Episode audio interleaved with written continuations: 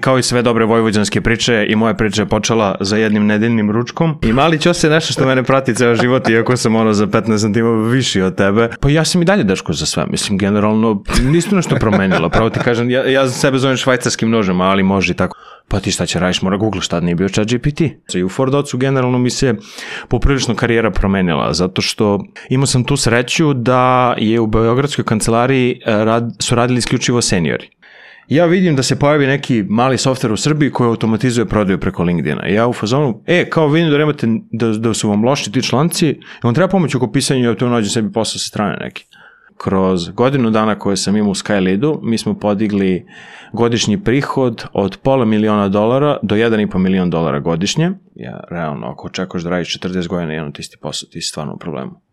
Osednem na razgovor za posao, popijemo četiri piva, ucirkamo se sva trojica, naravno, pričamo o poslu, o sasu, o prodeji, o razlici između Amerike i Srbije, o šopskoj salati.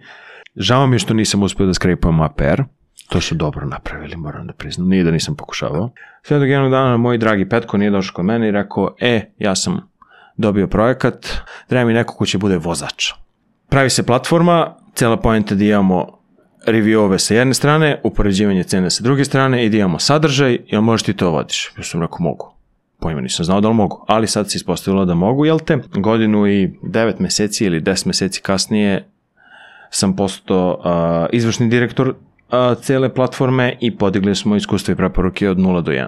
Po mom mišljenju, meni je Facebook omiljena društvena mreža i dan danas, mislim, to je možda malo taj milenijalac iz mene govori, ali u principu, jer mene Facebook najbolje poznaje od svih drugih društvenih mreža. To imam neku teoriju da kakav ti je feed, takav ti je život. Mladi danas mnogo lako sebi prepišu depresiju. Objasnim ja njemu cijelu priču. Da sam ja zapravo ušao, da nisam ga, nisam ga ja hakovao, nije ga hakovao moj ortak, nego je hakovao neki batica koji posle toga dalje ti preprodavao te podatke. Meni je kakilak apsolutno promenio život. Meni dalje nije jasno kako sam ja ovde da ja sam. Poljubac za majku još jednom prilikom, da. Još podcast 1. Pozdrav svima, dobrodošli u Još podcast 1, moje ime je Ivan Ćosić. Na početku želim da vam se zahvalim što nas gledate, što nas slušate, ostavite nam neki share, like, subscribe, ostavite nam neki komentar. Takođe na početku hvala našim sponsorima, to su Beans Cafe uz koji razgovaram sa svojim gostima. Uh, Beans želi da vam neki super kafe donesu u vaš dom ili kancelariju. Uh, pogledajte njihovu ponudu, link je u opisu ove epizode, ako želite da imate neki super kafe dostavljene na vašu adresu svakog meseca, da ih spremate, Binz je prava, pravi izbor za vas. Naš drugi sponsor je Scandinavian Design Center, u njihovim stolicama sedimo, Scandinavian Design Center je jedna porodica skandinavskih brendova koja vam omogućava da opremite svoj poslovni prostor, bilo u nekom poslovnom ambijentu ili u svom domu. Pogledajte, imaju sjajnu ponudu, takođe link do njihove ponude je u opisu ove epizode. Moj gost u ovoj specijalnoj emisiji za 10.000 subscribera, ovaj jedan specijal, je Ilija Ćosić. Ilija Ćosić je moj brat, Ilija Ćosić je neko koga ja nazivam bratom jedincem, razlika je 16 godina između nas i jedna od ideja ovog podcasta je bila da nas dvojica kreiramo jedan podcast gde ćemo svake nedelje doći sa pet novih tema, da ćemo razgovarati u nekom tom pravcu mlađih, starijih, međutim obaveze su nas uh, odvele u drugačijim pravcima, to smo, nismo napravili ili je umeđu vremenu bio meni velika podrška dok sam razvijao o, celu ovu priču, umeđu vremenu je gostovao u dva podcasta na netokraciji, možete pogledati, postavit ću linkove takođe u opisu ove epizode i e, napravio sam taj specijal bio još sa Kojotom da gostuje u svakoj novogodišnjoj epizodi, a sa Ilijom sam se dogovorio da na svakih 10.000 subscribera vaši domaćini u ovoj epizodi budu braće jedinci, to smo Ilija i ja. Uživajte u ovoj epizodi. Ali dobro, najava. Odlično najava. Sad mogu stavim na vaš. Može, to se čeka, čeka se to sve vreme. To se čeka sve vreme. Idemo. E, pa da počnemo. Živeli, brate moji, čestam na još 10k. Nadam se da ću stići Kojota do kraja, pa nemam pojma, do kraja 2020, do 2025. da bar prestignemo Pa Kojota. dobro. on će ići ovako hronološki, a E, u to ime, valjda će... ja sam tebi, doktore, znaš ono kao kod Rogana i ostali kad, kad dobiju neki poklon od gostiju, ja sam tebi donao neki likir sa Sicilije, sa ukusom limuna, malo nismo organizovali ovo primu predaju, i iskreno uvek mi je bilo to čudno kao kada neko dođe u podcast i gostuje, kako je moguće da podcast host uopšte ne vidi šta je ta osoba njemu donala, pošto kapiram da ceo dan provede, ali ladno malo pre ti nisi ni izvalio, prošao si pored flaše i bio si u fazonu kao, ok. Tako da mi je drago da nisi uopšte video, ja nemam pojma kako je to ukusa, Ni oni tamo sve spremaju sa limunom, a ti pošto si počeo gotiviš Baileys pod stare dane, Ne, ne, rekao, ja aj da ti se nađe. Ja samo gotim Kevin Baileys, a ovaj, Keva- uvek najlepši. voli da eksperimentiše sa ukusima. Pa realno, i sa količinom šećera najviše, definitivno. Tako, Kevo mora, mora Baileys sa irskim viskijem. Ne bre, može i sa lozom. Ma da, može za, za 800 dinara litra šta ima, kupujemo irski viski. Realno, živo second hand i majka Srbije. I majka naša. I naša majka, naravno. E, a, ajde ovako. Znači, imamo tu dosta gostiju koje možda tebe ne poznaju. Mhm. A, imamo tu dosta gledalaca koji te poznaju. Ajde samo, možda neki nisu ispratili šta si ti sve uradio u poslednjih nekoliko godina, ali recimo od onih da se ne vraćamo baš u te rane, rane godine, nego eto jasno. recimo od VV vršca gde su te možda upoznali pre deseta godina pa do sada, šta si ti sve radio, zašto si ti ovde uopšte, Da. osim što si čist nepotizam i zato što si Čist nepotizam, definitivno. Mislim, generalno dobar deo stvari može da se i, i koreliše sa tim nepotizmom, iskreno, ali kao i sve dobre vojvođanske priče i moja priča je počela za jednim nedeljnim ručkom. Mislim da smo završavali u tom trenutku supu, ti si došao kući kod nas i bio si u fazonu kao, e, pravimo neku konferenciju u oktobru, Vašalić, Anđela i ja, i kao, jel bi došao nam pomogneš oko organizacije? I ja sam u tom trenutku rekao kao i stopa dolara, naravno, bez ikakve prethodnog iskustva u, u, organizovanju bilo čega. Osim što me čale ono ko Marka Miloševića, da nosim gajbice kad radi on catering, otprilike. Ali u principu, ja sam dosta razmišljao o tom trenutku tada, zato što jednostavno, ja, ja, ja da sam u tom trenutku bio u fazonu, ma zaboli me, ja ću dođem ko gost, ti praviš konferenciju, ne pravim ja da sam ja u tom trenutku na taj način postupio, me bi se ceo život promenio, ko zna da bi ja bio sad. Dok s druge strane, da sam ja došao i rekao, pošto sam došao i rekao, hoću da učestvujem u organizaciji konferencije, jednostavno se meni život potpuno drugu krajnost otišao, da kažem tako. Uh, da, tako da dobar deo, mislim generalno, ajde kažem, ukoliko bi se smatralo da je karijera počela tada, dobar deo vremena nisam radio ništa aktivno, zato što uvek sam razmišljao o tome kako će u jednom trenutku neke profesije biti zanemarene i nisam teo da se, da se prerano specijalizujem, jer sam bio u fazonu desit će se nešto, pa će ta karijera u kojoj sam ja, na primjer, ulagao ili ta profesija u koju sam ulagao, otići, otići ono dođe, ali neće biti više tražnje za njom. I onda dosta dugo sam samo poznavao ljude i, i radio kao i taj event management, da kažem, kao skill neki da sam imao, jer ja dobar deo života posmatram kao RPG igricu. Mislim, generalno, ono, budžeš statove i što više statova imaš u određenom talent triju, to ti je bolje. A sad, ono što je zajeban u pravom životu, je što ne možeš da resetuješ te talent trijeve i onda može da ode Dobro, može, neki, neki reset. Pa da, neki reset, pa mislim to je ono programi, kako se zove, prekvalifikacije, jasno. Nije, nije, pa evo onaj link što si mi danas poslao sa LinkedIna, jednostavno lik u jednom trenutku samo batalio svoj posao i da. rešio da promeni sve na, u drugom pravcu, tako da dosta je zajebano kada imaš neki posao, nije loše kad se slupaš, zato što ti je to dobar trenutak da kreneš iz početka, ali je zajebano kada ti neki posao donosi taman onoliko koliko ti omogućava da se održavaš, znaš, Jeste. ono iznad, Iznad vode. iznad vode Jeste, jeste. i onda ti ne omogućava da, da kreneš nešto iz početka. Ja nešto čekam da dođem, taj moment iznad vode, ali u crvenom moru, pravo ti kažem, da te ne možeš da potoneš uopšte. Sad ne znam kad, kad je točno taj moment.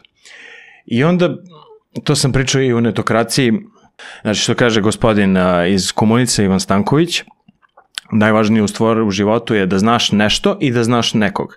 Jer ja dobar deo svoje karijere sam znao nekog, ali nisam znao ništa. I onda moja karijera poprilično, po realno, mislim, A realno dobro, je tako. a dobro, ali bio dobar skill. Mislim, e, pazi, tome, to i 2013. i prethodi 2012.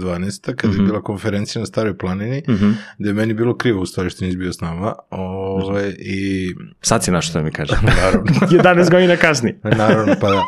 I onda je bilo, bilo veliko pitanje, znaš, ono, da li možemo uopšte da te vodimo, znači, jedna stvar je kad ja organizujem konferenciju Mhm. u vrstu gde ti živiš, ali je odmah iza toga išla ovaj, konferencija na Koponiku, Mhm. mesec dana kasnije. Odmah posle te 2013. Tako Mhm. si mogao odmah da uradiš follow-up svih poznanstava. Jeste. Ali dobro, mislim, koliko sam ja skapirao, zapamtili su mi ljudi. Mislim, ono, oni, mali čos. I mali čos je nešto što mene prati ceo život, iako sam ono za 15 cm viši od tebe, ali generalno... nije teško. Da, tačno, tačno. Tako da, u principu, i onda tako sam se ja malo... Po, Možda tu- se računa ukupna masa. Da, vidjet ćemo, pa mislim, nadam se, nadam se da ćeš, da ćeš i da za sledećih 10 kad ti stići do moje kilaže sada trenutne, tako da smo tu negde. Ove, što se tiče neke tu karijere, mislim, generalno to je ono bilo arčenje tih konferencija, ali neki najobič, najozbiljniji, ajde da kažem, taj full time posao sam dobio ta, na preporuku preko Minića, jel te, a, da radim kod uh, Relje u okviru firme Epic Assistance, gde je posao se za, zasnivao isključivo na copy-pastovanju. I ja sam tada generalno radio najgluplju moguću stvar, a to je posao koji je plaćen po satu, sam se ja trudio da što brže uradim. Ne znam nisam zašto. Valjda sam teo više da blame sa ortacima i ostalo. I onda sam jako brzo naučio, jako brzo sam naučio da brzo koristim računar, jel te? I onda taj skill set brzo korišćenja računara, sada kada mene neko gleda, dok sedi iza mojih leđa dok ja koristim komp, za količinu skraćenice i ostalih stvari, ljudi misle da sam ja poremećen otprilike, zato što ne mogu da isprate uopšte tempo, jer je to ono, Ctrl tab, Ctrl shift tab, alt tab, a, Windows D i tako dalje, pošto sam još uvijek na Windowsu, nisam još prešao u vašu sektu. Ovaj, I generalno tu sam dosta brzo naučio a, kako se brzo koristi računar i kako se nalaze relevantni ljudi koji su bitni u firmama, što će se dalje ispostaviti kao jako važna stvar sindromom naknadne pameti, a, što će se ispostaviti kao jako važna stvar u prodaji, generalno. Tako da, postajem ozbiljni, a? Ili ne Ma možemo... ne, bre, ne mogu da izdržim, bre, da pod reflektorima još ovo mi ovaj, tu, tu pravi, ono, ne mogu. Treba da se umijemo, bukvalno. Treba da se umijemo. Ajmo na to širim. Evo, majka je, majka je sad zahvalna što je od dva sina se vide lepo. Da, lepo, svi da oči. poljubac za majku još jednom prilikom, da. Tako da u principu tamo sam se zadržao nekih šest meseci, sve do jednom trenutku se desila neka jako čudna situacija, a to je da je Nikola Nešković okačio story, hoće neko da ide na Adu Bojanu. Meni tad nešto, ja sam tad bio u fazonu kao mogu bi ja da idem na more, ovo ono, ja napisao njemu poruku hoću ja. On meni pošalje fotku sa Ognjenom Vukovićem, kako oni piju samo pivu i kao ogovaramo te. Isto poznanstvo, mislim, sa konferencije od ranije. I onda ja, meni tu samo pada na pamet kao, e, Ogi, kao on je kod Baste u Ford Ocu, a godinu dana pre toga sam slušao, ja, ja ne znam da je to ta godina ili godinu dve sam slušao Bastu u Ford, uh, da drži predavanje u vršcu i gledao sam njega, mislim ono, kako drži svoje standardna neka ta predavanja, u sakovoj Tarzanija majice, mislim, to je najbolja odevna kombinacija za alfa mužjaka ikada. I kako generalno pričao o firmi i o tome kako su rasli i meni je to imalo smisla i sa nekog, ajde da kažem, vrednostnog nivoa i sa a, biznis nivoa. Da mi imalo smisla agencija, pa onda diverzifikacija portfolija, jel te, a, ulazak u SAS i ostalo. I ja pitam, ja pitam a, Neškovića, da, pita Vukovića da mu treba junior. I oni napišu, pre dva dana smo pričali o tome kako mi treba junior, daj broj telefona. Ja im dajem broj telefona, za dve nelje ja počnem radim u Fordocu. Samo zbog toga što se meni išlo na Bojanu. Ja evo, šest godina kasnije nijedno nisam bio na Bojani, ali sam radio dve godine u Fordocu. I u Fordocu generalno mi se poprilično karijera promenila, zato što imao sam tu sreću da je u Beogradskoj kancelariji eh, rad, su radili isključivo seniori.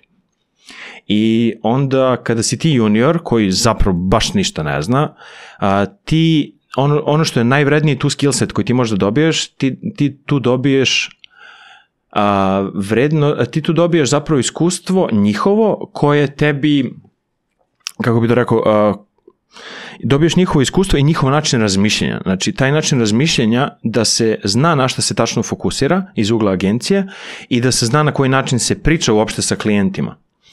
I meni je to bilo jedno stvarno baš van vremensko iskustvo iz razno raznih uh, iz razno raznih razloga, da kažem tako, Ali tamo si bukvalno bio dečko za sve. Tako je, pa ja sam i dalje dečko za sve, mislim, generalno, nisto nešto promenilo, pravo ti kažem, ja, ja sebe zovem švajcarskim nožem, ali može i tako dečko za sve. Jer jednostavno ono, bila je varijanta, e, treba se uradi to, aj ćosice, ili mali ćoso, zavisi ko mi se obraći, mali ćose, svi osim Baste, Baste me zove ćosica, tako da isto je deminutivno na neki način. A, bili su u fazonu kao, e, treba se uradi outreach, aj, sedi, aj, aj istraži vidi kako se to radi treba neko radi suporta da hendluje ove nadrkane apsumo usere, aj ti mogu biti malo to da se drndaš njemu i oko ajde. Treba neko drži demoje, aj sedi radi, znaš alat, znam, sedi radi demoje. I ja sam bukvalno ono, jednu po jednu stvar taksativno i tu sam naučio jednu od najvažnijih stvari u karijeri, a to je da radiš posao sa najmanjom količinom informacija mogućom. Jer, logično, Basti je uvek bila agencija glavni fokus. I onda on dođe i kaže, e, treba to da se radi. Ja sam fazon, dobro, kako? Izvini, nemam sad, ne, ne može sad sastanak, ovo ono. Pa ti šta će radiš, mora Google, šta nije bio chat GPT. Nisi mogu doći da kažeš, a, ja sam direktor, a, direktor marketinške agencije, mi je rekao da uradim to, to, to i to, šta bi ja trebao da uradim da se fokusiram na te stvari. Ali, jednostavno, mora si sam da uči, onda uglaj šta znači outreach, kako se radi outreach, onda naučiš da je tu segment nalaženja lidova i onda kada nađeš lidova, dobro, nalaženje lidova, toga si sećam, to mogu i ručno. Onda pronalaženje mailova, kako se to radi? Verifikovanje mailova, šta je sad to? Možeš da jebeš, ne možeš da jebeš glavni domen, mora kupiš burner domen, kako se kupuje burner domen, kako se namešta, namešta burner domen da se da redirektuje sa burner domena na glavni domen. No, mi nismo netokracija, tako da, Da, da, malo si otišao ono hardcore u ove teme, tako da... Umem ja to. ovaj, Ćosica digresijica. Pa, mislim, znaš kao, jasno, jasno. polovina tih tema ovaj, su malo van dometa gomile ljudi. Jasno. Tako da u principu ono što je jedna od drugih stvari koje sam naučio tamo, isto je bila ta varijanta ćosice, aj sad i piši help artikle. I tako ja počnem pišem help artikle za njih, za inter, u okviru interkoma i onda ja vidim da se pojavi neki mali softver u Srbiji koji automatizuje prodaju preko LinkedIna. I ja u fazonu, e, kao vidim da nemate, da, da su vam loši ti članci, on treba pomoć oko pisanja i ja tu nađem sebi posao sa strane neki. I oni kao, pa treba će ovo, oni nikad za oni tu ne jave. Par meseci kasnije mi se jave, e, bi došao reći prodaju ovde kod nas. I ja kao, ajde.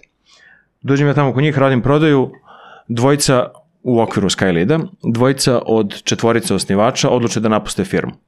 I kao, ti radiš prodaju, dobro, ti sad direktor prodaje, mislim, mesec dana kasnije.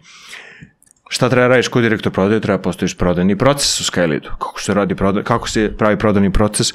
How to create a sales process from scratch. I onda tu kreće prvo zapošljavanje prodavaca u Skylidu, pa onda računanje bonusa i kroz godinu dana koje sam imao u Skylidu, mi smo podigli godišnji prihod od pola miliona dolara do 1,5 milion dolara godišnje. A, I za tih godinu dana sam imao preko 600 demoa sa, sa klijentima. Čekaj, imao si demoje uh, i u ovom, i u, i u Fordocu. Jesam, da, ali jednostavno taj broj nije bio toliko intenzivan. Ja sam bukvalno imao neke dane gde u smeni od 8 sati imaš preko 6 demoa. Mi smo u jednom trenutku mm -hmm. morali da se podelimo da, da se rade demoji u periodima od 6 sati, da bismo za 2 sata mogli da uradimo i zapravo komunikaciju sa tim ljudima koji su zapravo bukirali demoje, imali smo demoje s njima ranije. Mm -hmm. I onda u jednom trenutku smo samo skapirali da Ok, na kraju smo to skratili na 4 sata i čak smo se u jednom trenutku i podelili na, na primjer, da neka ekipa iz prodaje radi marketing i da neka ekipa iz prodaje radi sales. I to je jedno vreme radilo dok nismo se tačno podelili ko radi sales, ko radi marketing jer jednostavno mora tako da se profiliše, pogotovo što više firma raste. A ljudima je jako stresan i prelazak iz firme u firmu. Ma Kako, kako to izgleda kod tebe? Najjača stvar na svetu. Najjača stvar na svetu. Mislim, Ne znam zašto, ali ovaj, ja sam, ne mogu kažem, uvek bio avanturističkog duha, realno, redko ko nije avanturističkog duha, ali mislim da, Imaš ljudi koji vole jedan posao 40 godina. pa dobro, mislim da ti ljudi treba da se paze poprilično u današnjem radnom okruženju. Ja, realno, ako očekuješ da radiš 40 godina jedan ti isti posao, ti si stvarno u problemu. Jednu ti istu igru. Kakvi Jedan druže, isti nivo. druže, Prelaziš svakog meseca. tačno bi si. Znači, ne znam kako bih ti rekao, otprilike. I onda dolazi taj moment famozni gde ja bivam pozvan u svoj prvi podcast u netokraciji i ja tu krenem da pričam o LinkedInu i tu otprilike, a ja kažem, pokažem sve što znam u tom trenutku i dobijem poruku, e, vidim da znaš svašta. Jel si zainteresovan da pređeš? I ja kažem, može i dam 50% veću platu. Zatražim 50% veću platu, u fazonu sam nema šta da izgubim. I on kao da, da, kao može. Osednem na razgovor za posao, popijemo četiri piva, ucirkamo se sva trojica, naravno, pričamo o poslu, o sasu, o prodeji, o razlici između Amerike i Srbije, o šopskoj salati. I ja tako uđem u Content Distribution, koja je američka SEO firma koja je skapirala da ti najvažnija stvar danas za Google, što ima smisla generalno, je pravljenje ogromne količine sadržaja koji je za nijansu bolje od trenutnog sadržaja na Google. Dobro. Za određene ključne reči, znači uradiš istraživanje ključnih reči, te ključne reči grupišeš i onda kako si ih grupisao, po tome pišeš određene članke.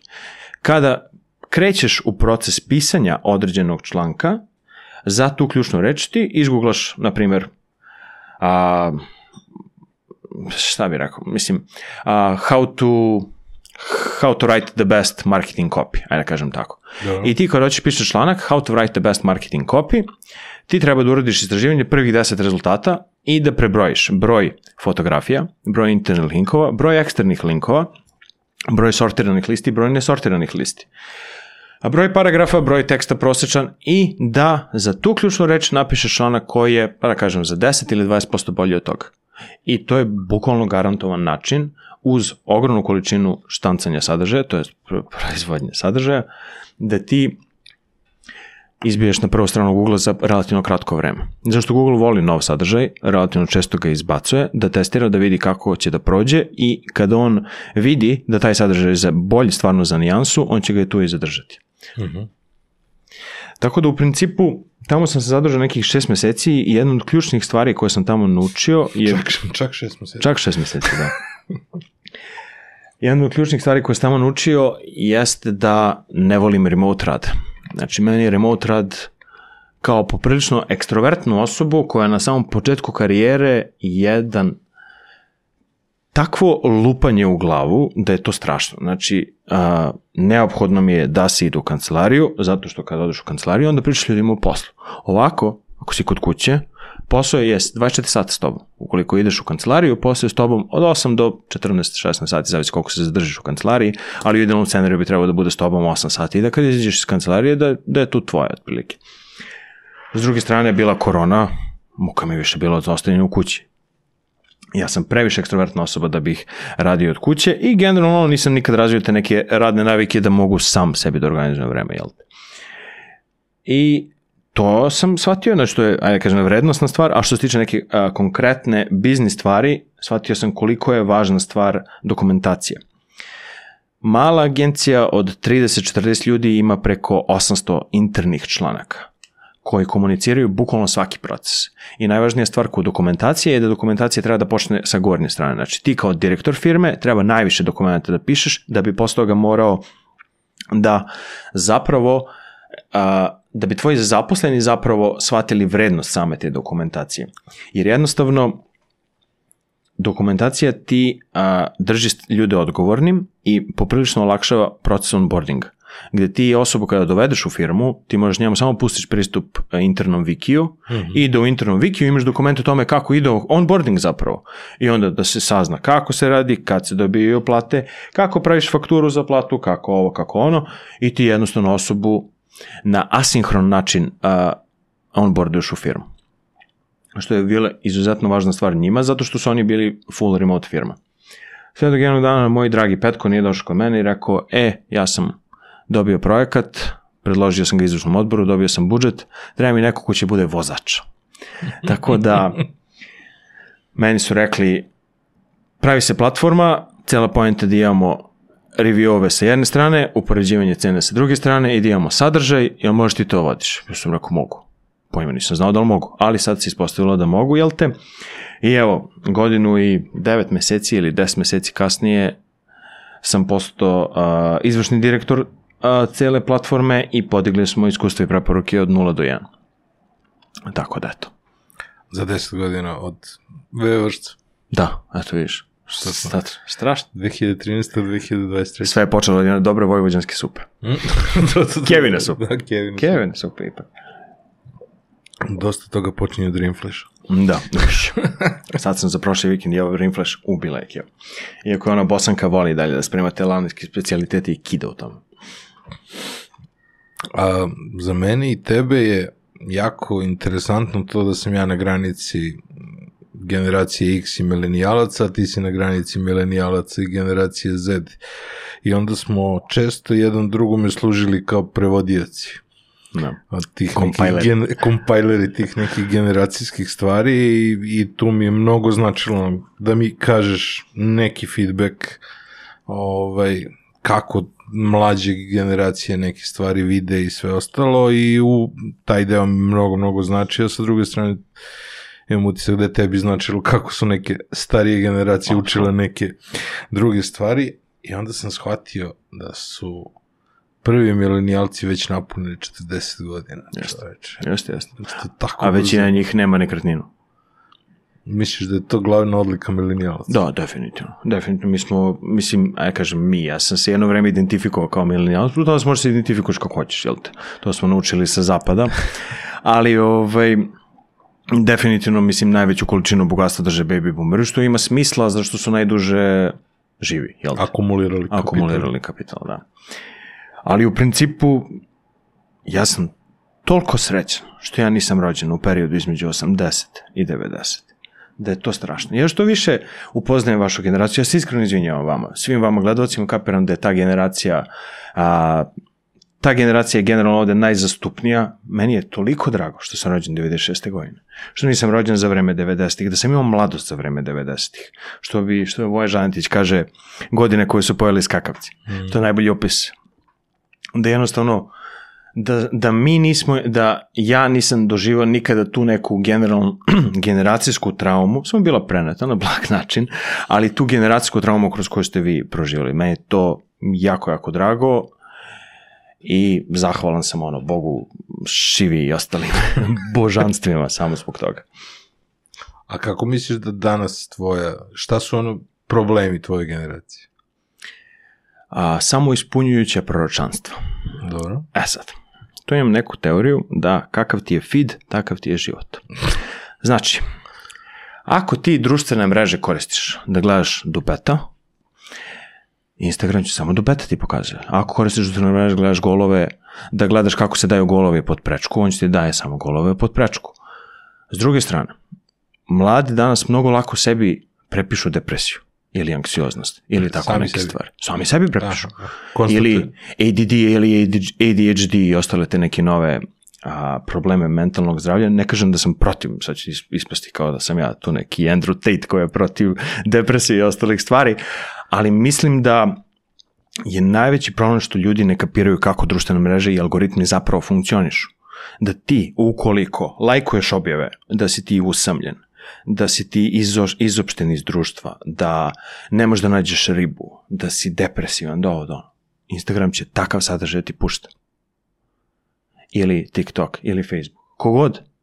Dok s druge strane, Čak ne moraš više ni da lajkuješ, dovoljno se zadržiš na tim objavama Tako može sad i to da računa. Facebook je ranije, mislim Facebook i dalje to radi, ali mladima danas nije Facebook dominantna platforma.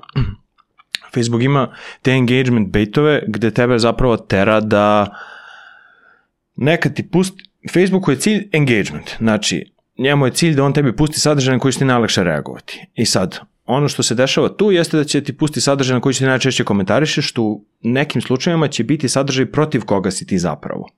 Dok sa druge strane Instagram ti pušta zadržaj kakav ti zapravo hoćeš da gledaš. I ukoliko ti upadneš u lup depresivnog sadržaja, ti ćeš biti još više depresivan, zato ćeš upasti u samo ispunjujuće proročanstvo da ti jesi depresivan. Iako nisi. A ono što je najveći problem kod mladih jeste da, da treba da shvate da nema šta da se izgubi. Znači, ni u jednom trenutku nema šta da se izgubi. To što trenutno nemaš ništa, to ti je najveća, najve, najveća vrednost koju ti imaš u tom trenutku. Jer od ništa je mnogo lako napraviti nešto. I to tebi treba da bude bukvalno najveći motiv da ti zapravo samo teraš dalje i da radiš stvari koje ti se rade, jer je dovoljno vremena imaš ispred sebe da isprobaš različite stvari. Ja sam bukvalno bio, meni dalje nije jasno kako sam ja ovde da jesam. Ali ono što mene a, stvarno razlikovalo od drugih ljudi jeste to što a, kroz konzistentnost u radu ti ćeš doći do nekih određenih rezultata. Mm -hmm. Znači, samo je pojenta da se svaki dan pojaviš i daš sve od sebe. Ne svaki dan, ajde kažem, ra, svaki radni dan. Ali evo, recimo, ti sad kažeš kao, uh, naš, čudne si stvari rekao na račun Facebooka, mm -hmm. a jedna stvari po, po kojoj si poznat široj populaciji je i tvoja Facebook grupa. Jeste, da. Znaš. Ludi community. Ćosini ljudi ex eventovci. Mislim da ne postoji haotičniji naziv za community ikada. Da, zato što... Da ćeš. Ajde. Nastavi ti. Mm? Nastavi ti da pričaš. Ja ću da... E, to, pa nisam znao gde, ja sam teo sam sebi osipao, navikao sam, e. ovde živo sam u ovom stanu tri godine, tako da... šteku, šteku. Samo ti pričaj. A, generalno, ta grupa se inicijalno zvala Ćosini ljudi. Ne, Ćos, pardon, Ćosini eventovci. Zato što a, mene su ljudi cimali kao koordinatora volontera i to sam radio za par pojačalo događaja i najviše za i Above Digital Day i Mix nagrade. I u principu napravio sam taj neki community na Facebooku, aj želi, brate moj, za još 10k, pa da se uskoro opet vidimo. Skoro opet dobijemo. da, pa neće. I mi smo Napravio sam taj community čisto da vidimo broj neki, neki ljude koji su mi stalno dostupni, nisu tada bile toliko popularne ni WhatsApp grupe ni ostalo, nego, brate, Facebook grupu imaš za faks, imaćeš Facebook grupu i za to doći da učestvuješ na konferencijama. I u principu, to se nakupilo nekih 60-70 ljudi i u jednom trenutku meni pada na pamet kao vidim sve manje konferencija se radi, ne znam da li ljudi cimaju zbog, manje ljudi cimaju zbog ovog i zbog onog, ali ja, meni, meni pada na pamet, uglavnom u ovim nekim polucirkanim stanjima, meni pada na pamet počnem ubacujem ljude u grupu. I kako sam ubacio ljude u grupu, tako sam počeo da delim neki sadržaj koji je meni bio zabavan i relevantan sa neta. I tako su drugi ljudi počeli ubacuju drugi ljudi u grupu. I to se polako širilo, širilo, širilo. I on se skapirao, nema smisla da zovem ljude, da nemam pojma, poput Igora Lazarevića, da bleju u grupi Ćosin Eventovci. Pa sam odlučio na najlogičniji potez ikada da se rebrandiram iz Ćosin Eventovci u Ćosini ljudi ex Eventovci. Čisto da ovi koji su Eventovci bili Aha. imaju poštovanje. Kad žena ima ex pored prezimena na Facebooku. Tako je. žena sa tri prezimena. I da, mislim, na kraju to, pa šta znam, mislim, to dobro dođe sad meni kao neka vrsta distributivnog kanala za sadržaj, za, za stvari koje ja radim, I generalno možeš da koristiš ti to i stvari koje ti radiš, to je isti tvoja grupa kao i moja. Ba, dobro. Ćosini ljudi, mislim, realno. Isti džao. ok, stiže, stiže, stiže Big. Eto, čuvajte se. Ali dobro mi je to, znaš, ti kažeš kao mladi nisu više na Facebooku, onda tebi je manje više ta grupa dosta pomogla. Kak, ajde sad, iz, kako mladi koriste različite feedove, kako se koriste, ka, koliko ti smatraš da ih, da još uvek koristi Facebook, jer ja mislim da još uvek svi imaju Facebook, Da. ali da samo koriste sa manjim intenzitetom. Pa da, koriste na primjer za Messenger i ljudi koji su u poslu često koriste Facebook, zato što na Facebooku imaju dosta relevantnih Facebook grupa koje su, pogotovo mi u SAS-u, imamo dosta relevantnih a, Facebook grupa gde je naša publika zapravo. I onda mogu, mogu da se koristi kao prodajni kanali. Mi smo čak u jednom trenutku dok sam radio u Skyleadu ubacili Facebook grup kao izvor da li su saznali za nas i dobar, mm. i dobar deo ljudi koji su nama na kraju dana počeli da plaćaju su bili sa tih Facebook grupa. I vidim da se ta taktika i dalje koristi. A, ne znam, po mom mišljenju meni je Facebook omiljena društvena mreža i dan danas, mislim, to je možda malo taj milenijalac iz mene govori, ali u principu, jer mene Facebook najbolje poznaje od svih drugih društvenih mreža. Tako da, pogotovo sad kad su bacili rilove, mislim da nije toliko velika razlika, to je kad su počeli plasiraju rilovi na fejsu. A što se tiče Instagrama, mislim, Instagram je uvijek bila platforma za kurčenje, nažalost. Facebook je platforma za komuniciranje sa rodbinom, Za TikTok ne znam, iskreno. Nemam TikTok, hvala Bogu, ovaj, zato što mislim da je najgora stvar koja se deš, desila za attention span jednog čoveka. Aha. Definitivno. Twitter. Pored toga što A Twitter? Twitteru neću pričam, Twitter ima 500.000 korisnika u Srbiji, mislim, to je bukvalno najirelevantnija društvena mreža koja postoji kod nas, nažalost. A za, tweet, a za biznis je Twitter dušu dao. Aha. I za distribuciju sadržaja isto Twitter dušu dalo, Samo ću se vratiti na, na TikTok. Da, ja se iskreno vodim logikom da ovo što je Šulc rekao, da TikTok namerno ima dve različite verzije za Kinu i za Ameriku, da je to stvarno tačno.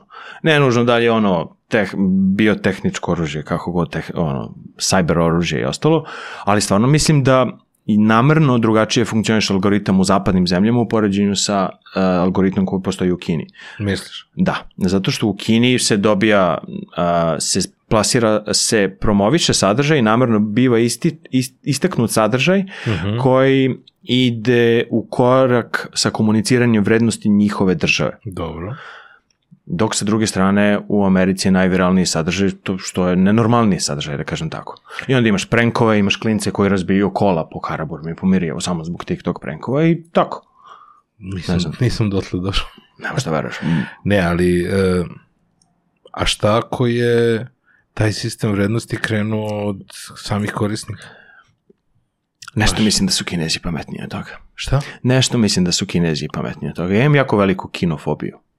Stvarno? da, da. A što, znaš, meni je to sad deluje kao kad se neko pravda, znaš. Hm zašto je ispog lup u društvu i znaš sad, mm -hmm. kao sad a, oni imaju dva algoritma koji a, služe jedan algoritam za zaglupljivanje zapada mm -hmm. i jedan za ono unapređenje a, ono pameti u Kini. Mm -hmm.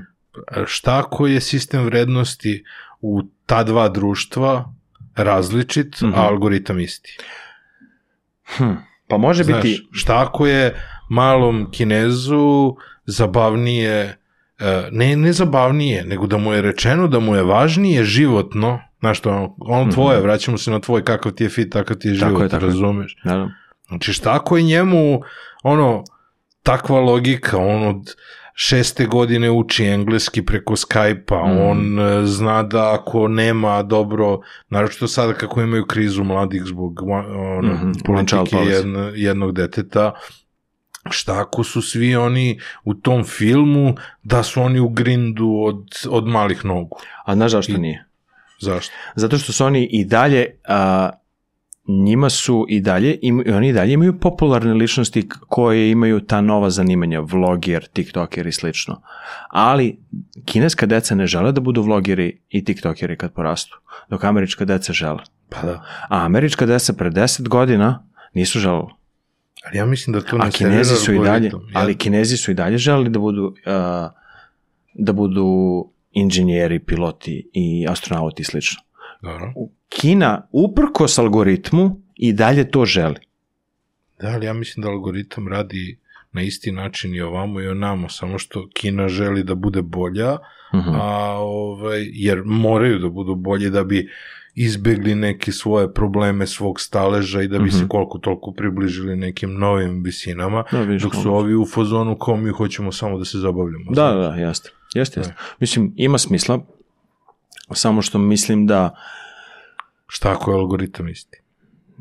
Pa, plašim se da nije. Plašim se da nije. Mislim da jednostavno toliko lako se te stvari menjaju, pogotovo tim, pogotovo tim sistemima da Ma, šta znam, moguće si upravo. Ipak moguće si upravo. Ipak je ovo teorija koju zastupa komičar, ja sam je slepo primenio. Pa dobro, dobro, ne, to je teorija koju zastupa američki komičar, znači to je mm, ono, da, da. znači neko ko ima ono, e, feedback javnosti i okruženja oko sebe, znaš, jer oni to vide pod određenom prizmom.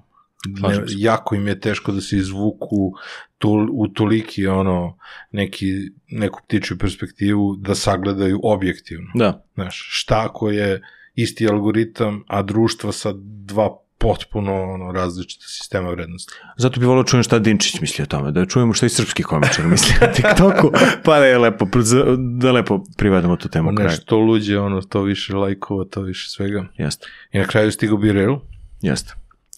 Biril je zanimljiv, mislim da nema eh, kad smo već kod toga mogli, eh, nema se, puni mi se telefon. Na kraju ću. da, na kraju ćemo. Biril je strava zato što je kontraodgovor na Instagram, jer je jednostavno na Instagramu najvažnija stvar da si ti ispeglan maksimalno, znači da se sredi fotka, sredi opis, da ovo, da ono, dok Biril funkcioniše po principu da imaš dva minuta gde je poenta da se fotkaš što brže, da uđeš u tih dva minuta, možeš i kasnije, ali je cijela ideja da budeš tu, ali mislim generalno da Biril neće da zaživi zato što nikako ne vidim neku vrstu monetizacijone opcije za Biril. Pa ima opcija ako za Twitter da je relevantan sa 500.000 korisnika. Tako U Srbiji, da. da tako U Srbiji, da da. verovatno i Biril.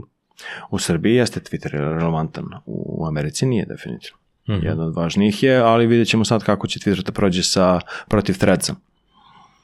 Pa s obzirom na ovu varijantu da threads, ako brišeš threads, brišeš Instagram, svi su bili u fazonu kao o, o, Mhm. nećemo da ulazimo.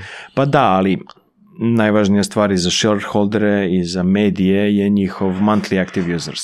I dalje je Threads odvojena aplikacija, tako da će to se gledati isključivo na tom MAU nivou, znači na monthly acti- active users nivou, a ne na nivou ovog, u, a ne na nivou a, zapravo korišćenja Instagrama. A njima je to samo A to da je Twitter postao X i da X treba da bude jedna aplikacija za sve, da bude ono zapadni WeChat. Pa ja ne znam, mislim, mene interesuje tvoja perspektiva oko toga iz ugla brandinga i svega, koliko ima smisla uopšte. Pa jako je glupo. Kao, kad ptičice utihnu otprilike, ovaj, to što su ubili pticu i sve to, ovaj, što su, znaš, mislim, prvo, Svako ptice nisu stvarne. nećemo teorije zavere, ovog puta, to ćemo ostaviti ono kao, za Patreon, ili tako nešto. Ovaj, šta je fora? Fora je u tome što uh, tebi je jako teško i ponekad problematično za brand kad ti brand postane glagol. Kad ti brand postane imenica. Mhm. Kao što se kod nas svi ono suvovi zovu džipovi. Mhm. Džip je samo jedan. Ono, Da. ovaj, kao što se svi brijači zovu žilet. Mhm. To, žilet je jedan brand. To zna da bude problem. A je sad ti imaš uh, sledeći nivo brandinga kada ti brand postane glagol. Mhm. To je još luđe od ovoga kada ti postane imenica, gde recimo googlam nešto, Mhm. glagol, Da, kao i Twitter. podrazumeva jednu imeni, po- podrazumeva jednu radnju, podrazumeva jedan glagol. Isto tako tweetujem je postao glagol. Šta sad radim? X-ujem.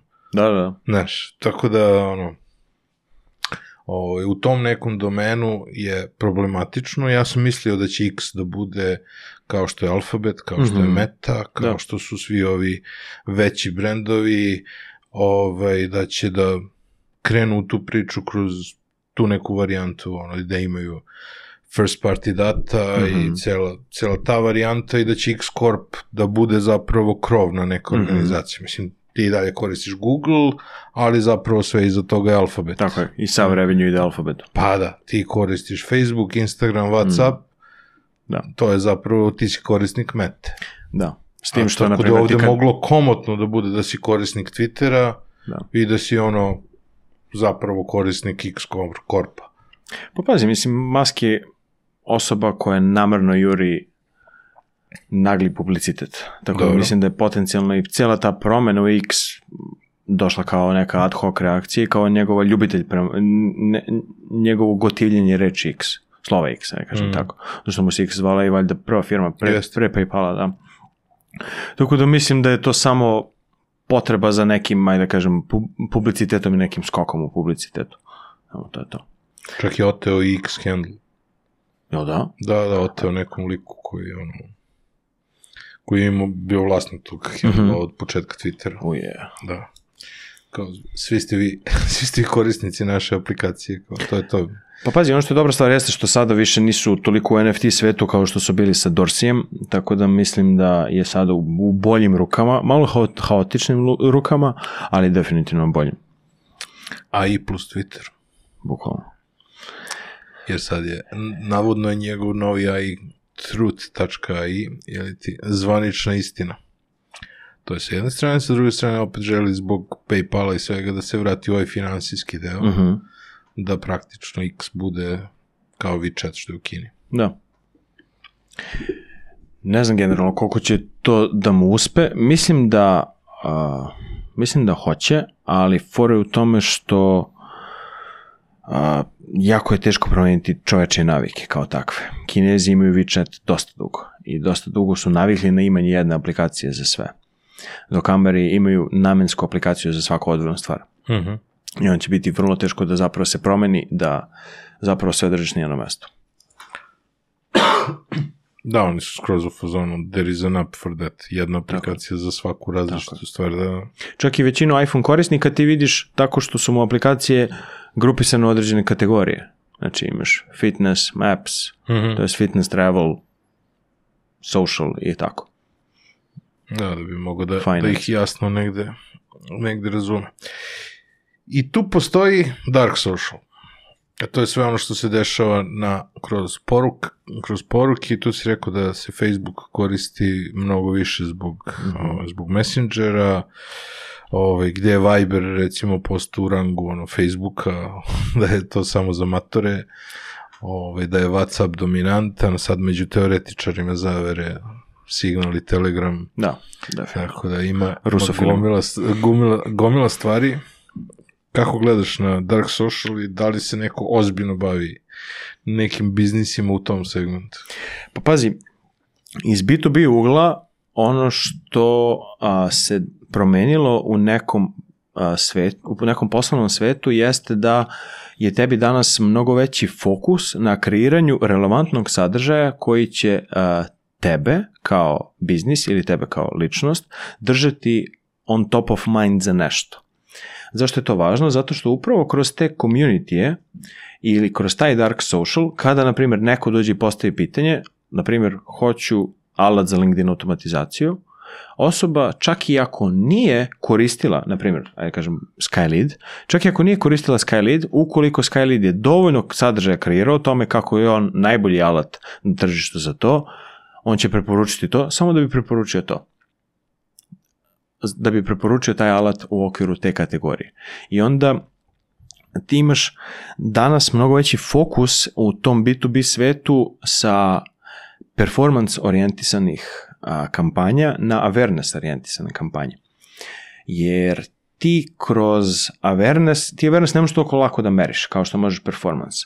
I tu se desio taj, ta drastična promena da je samo tebi fokus da kreiraš relevantan sadržaj i da skupljaš što veću količinu publike koja će jednog dana da prođe kroz funnel i da kupi. Ali je kreiraš za vrlo specifičan set ljudi. I onda kako kreiraš za vrlo specifičan set ljudi, ti taj set ljudi, pošto ljudi imaju nagonski potrebu, ne znam da li imaš ovde plemena od godina, verovatno imaš, ali ljudi imaju potrebu za kreiranjem plemena i to se direktno odrazilo u digital svetu. Ljudi su počeli da kreiraju community bukvalno za bilo šta. Tako da, imaš istu stvar u SAS-u. Mislim, da ljudi koji su korisnici AppSuma koriste određene Facebook grupe i određene community isključivo za preprodaju AppSuma, na primjer, paketa.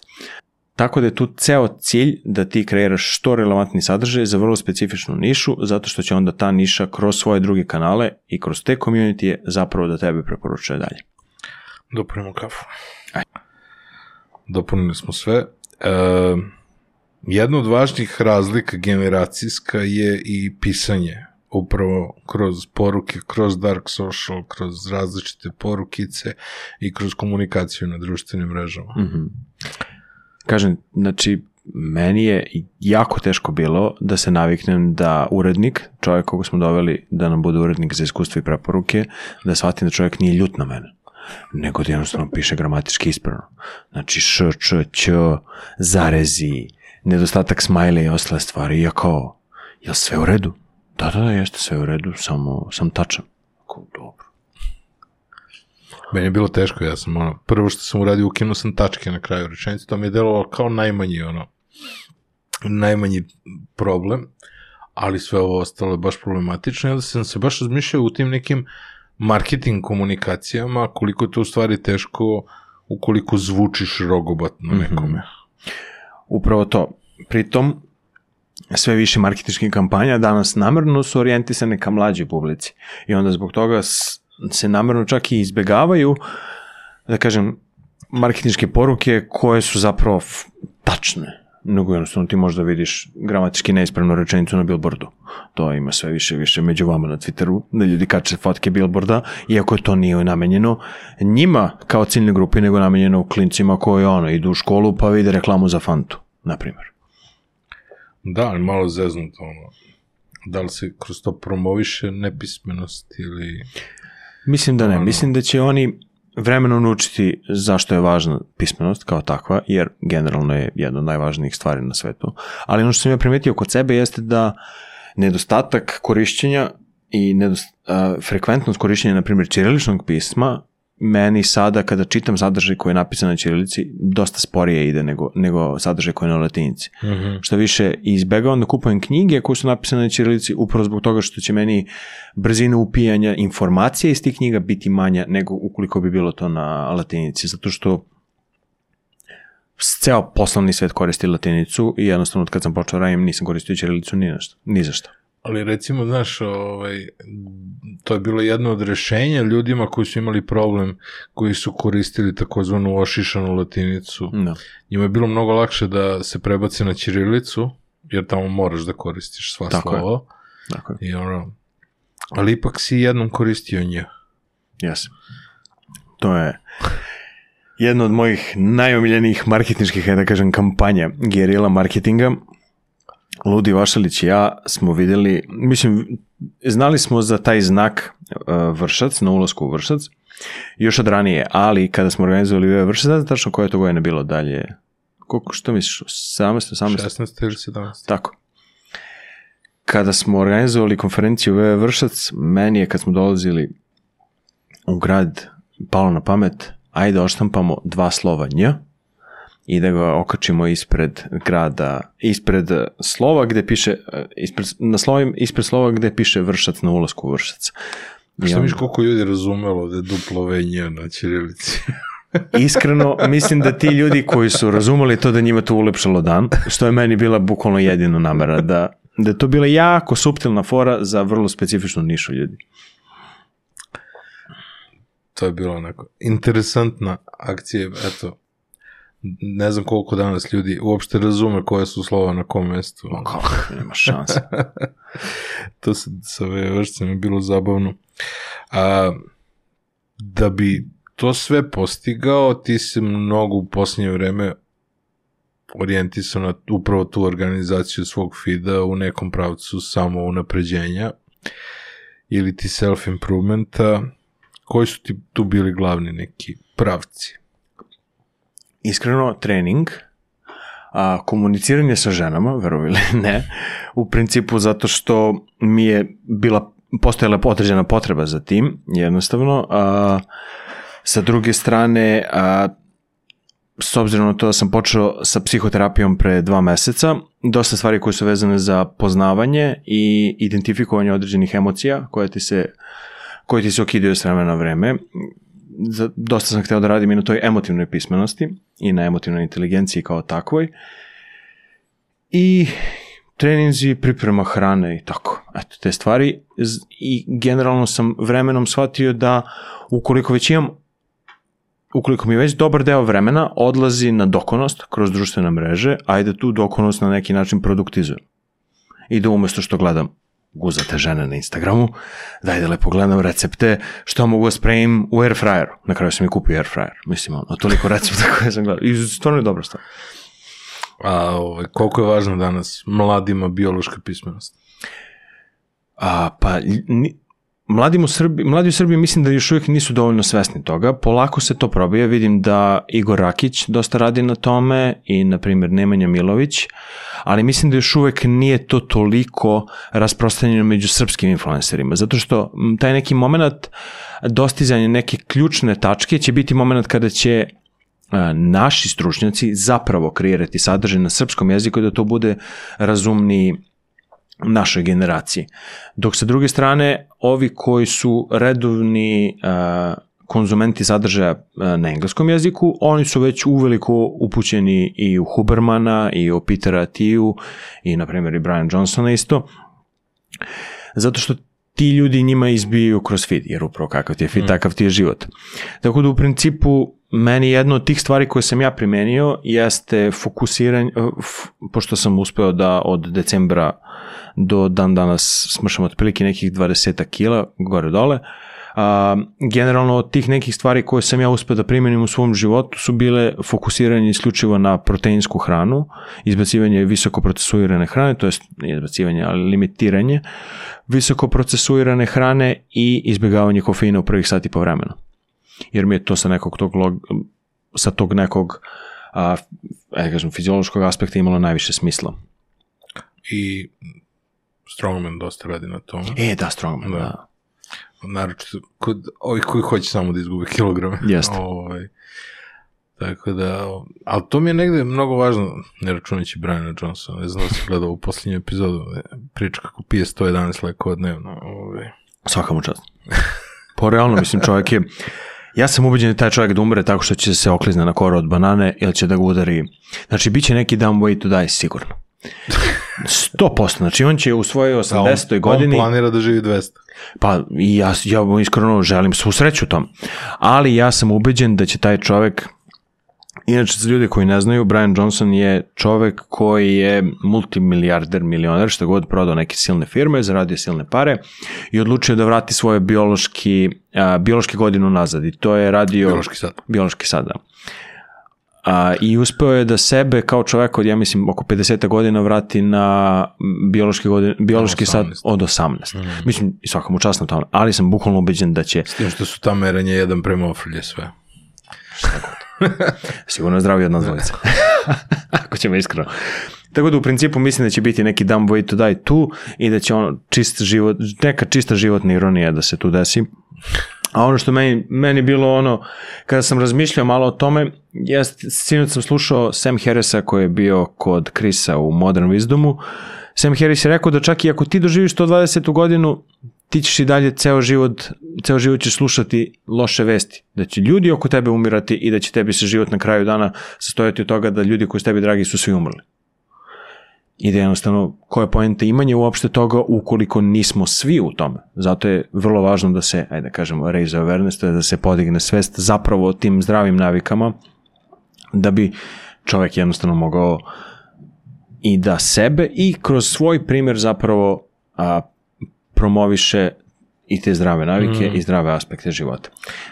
Da, pogotovo što smo mi mnogo vez, vezaniji za porodice nego što su zapadne civilizacije, znaš, ono, njima još, oni su okruženi sa dvoje, troje ljudi, a mi smo obi, obično sa desetak, petnaest, ono, i ne, nekad i više. Tako je. Tebi se ono, desi sudar, deset ljudi u familiji žali što se tebi desio sudar. Pa da. e, dosta si pominjao podcaste. A, i znam da si, zamolio sam te da zapišeš neki za preporuku, ovaj, koji su ti glavni neki koji gledaš čisto kao preporuka gledalcima? Kao iskustva i preporuke. He, he. Kao iskustva i preporuke. Iskustva i preporuke. He, he. Daj nam iskustvo tvoje sa, sa podcastima i daj nam neku preporuku. Moje iskustvo s podcastima je da su meni podcasti kao format i kao vid dodatne edukacije zapravo premašili bilo koju vrstu primarne edukacije koju sam ja imao u životu.